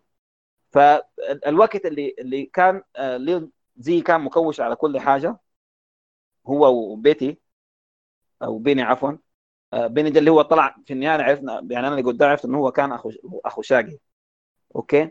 آه هنا جاء دخول ند في في القصة. ند طبعا في ال في ال في, ال في اسمه في البرازيل اسمه اسمه اسمه ماني. لكن لما جو ترجموه بقت Ned هو أصلا في اللقب عفوا في في, في بالبرازيل اسمه اسمه chicken ماني أو ماني الجداده. لكن chicken طبعا في في, في الثقافة الأمريكية معناها جبان فما زبطت. فعشان كده قام غير الموضوع بقى اسمه Knockout Ned knockout طبعا معروف إنه الضربة القاضية. ده اللي هو جاي من ب ب ب في ذهنية العائد من الحرب اللي قدر يلقى سلامه مع نفسه وقدر هو إنه يكمل حياته بمفهوم اللي ال ال البحث يعني عن عن إنه هو يوجد نفسه بعيدا عن العنف ومبررات وكل بحيث إنه هو شاف كل شيء. آه لكن هنا هنا God works in mysterious way. هنا جاءت التشكيل الثالث كان بتاع بتاع سيتي اوف جاد لما لما حدث ما حدث لنت وقرر إنه هو ينتقم. وكان انتقامه ما كان انتقام فقط شخصي لقدر بقدر ما بقى انتقام فلسفي. لما خش في الموضوع ده استصحب معاه فلسفته ذاتها انه هو يبقى يعمل فيه قطبيه مقابله لقطبيه الوحشيه خلينا نسميها العفويه اللي كانت موجوده عند عند عند Li'l Dice وهنا بقينا نشوف دلوقتي العجينه بتاعت الفوضى الخلاقه بقت تخمر لنا لما بقت اشبه ما تكون حرب قطبيه اتحولت فيما بعد لطروادة وإحنا كده خشينا في في زمن الثمانينات وكل ما كان المجتمع المجتمع في City of God الفوضى الخلاقه بتخلقه انه هو يبقى منتوج مناسب للعصر اللي هو فيه كل ما كان الحكومات ذاتها بتحاول إن هي تستحوذ على الحاجة إن هي تستفيد منها. ف وصلنا للمرحله القطبية الأخيرة من من الجريمة المنظمة. وأنتم عارفين باقي القصة. هنا كده خلاص كده إحنا قفلنا ورجعنا ل ل لميد رياس اللي إحنا شفناه في في بداية الفيلم. وكملنا معاهم. في حاجات يعني يعني زي ما قال زي ما قال أبي لما نتكلم عن عن مفهوم الإخراج يا جماعة الاثنين كان City of God أو Children of Men دي من الأفلام اللي تصورت digital وتعتبر من أعظم الأفلام اللي تصورت digital City of God بالنسبة لي. لأنه لأنه استفادوا من من من من من خفة الكاميرا وآلياتها إن هم يوجدوا لنا صور ثانية فعندك الصورة بتاعت الدجاجه الناس اللي حابينها شديد دي وصولا بالصورة بتاعت الدوران بتاعت الكاميرا اللي هي بتاعت 360 درجة اللي أشبه ما بتكون. بقت بعد كده على فكرة اللقطة دي بقت لقطة iconic سواء كان في السينما أو حتى في في ال gameplay آه إضافة إلى لقطات صعبة جدا زي زي القصة بتاعت كارو دي. والله العظيم يا جماعة يعني لو أحكي لكم ما أحكي لكم فيه يعني.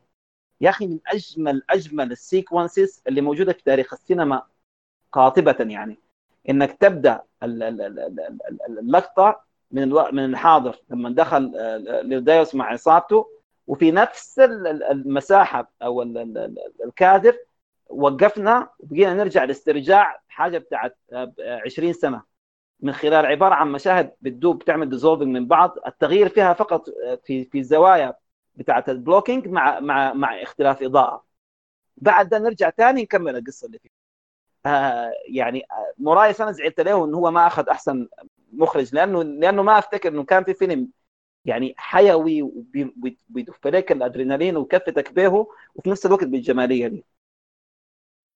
عموما آه، مشينا لحد ما حدث ما حدث في النهاية. ووصلنا يا جماعة لعصابة رانت اللي هم الشفع يا جماعة اللي كانوا في البداية اللي كانوا عبارة عن شفع بيمشوا يسرقوا اسياخ الدجاج وبيخبطوا في الناس وبيطعنوهم بس على أساس إنهم لقوا يعني ده التخلق الرابع بتاع بتاع الفوضى الخلاقة في في City of God الجمالية فيها أيوه عصابة Runts دي كانوا شفع جماعة ما عندهم فهم لا أول ولا آخر يعني بس هم فعلا كانوا عبارة عن شفع مجرمين. كويس؟ آه بدوا يكبروا مع الموضوع ده لحد ما يتجندوا بحساب آه ليلزي كويس وبقوا هم اشبه ما يكونوا مرتزقة داخل مرتزقة لما خلاص الحرب بقت تكبر للقطبية بتاعت أمريكا والاتحاد السوفيتي. وخلصنا المشهد ده. كويس. نهاية الفيلم أنا بعتبرها يا جماعة من أجمل النهايات اللي اللي اتكتبت في السينما لأنه لأنه هي نادرة. وبعد ما هي نادرة ما بتكون ما بت... يا جماعة بتتكتب النهاية الدائريه دي بتتكتب عشان ما ما أقعد أفلم عليكم يعني. لكن دائما بتتكتب بشكل رمزي.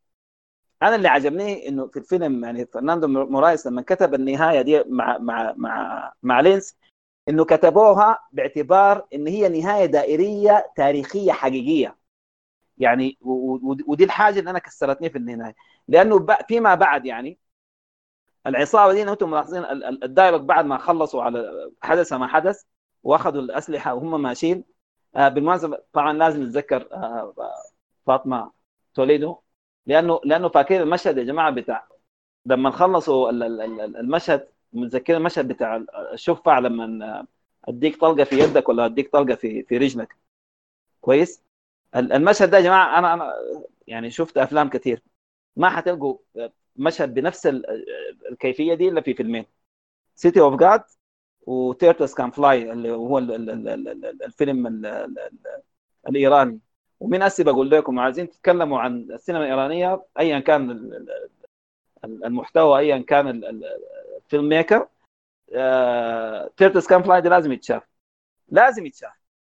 كويس؟ آه فالمشهد ده فعلا فيه استدعاء رهيب ب Turtles Can Fly النكتة شنو؟ الولد لما جاء يا جماعة قالوا حنديك الطلقة.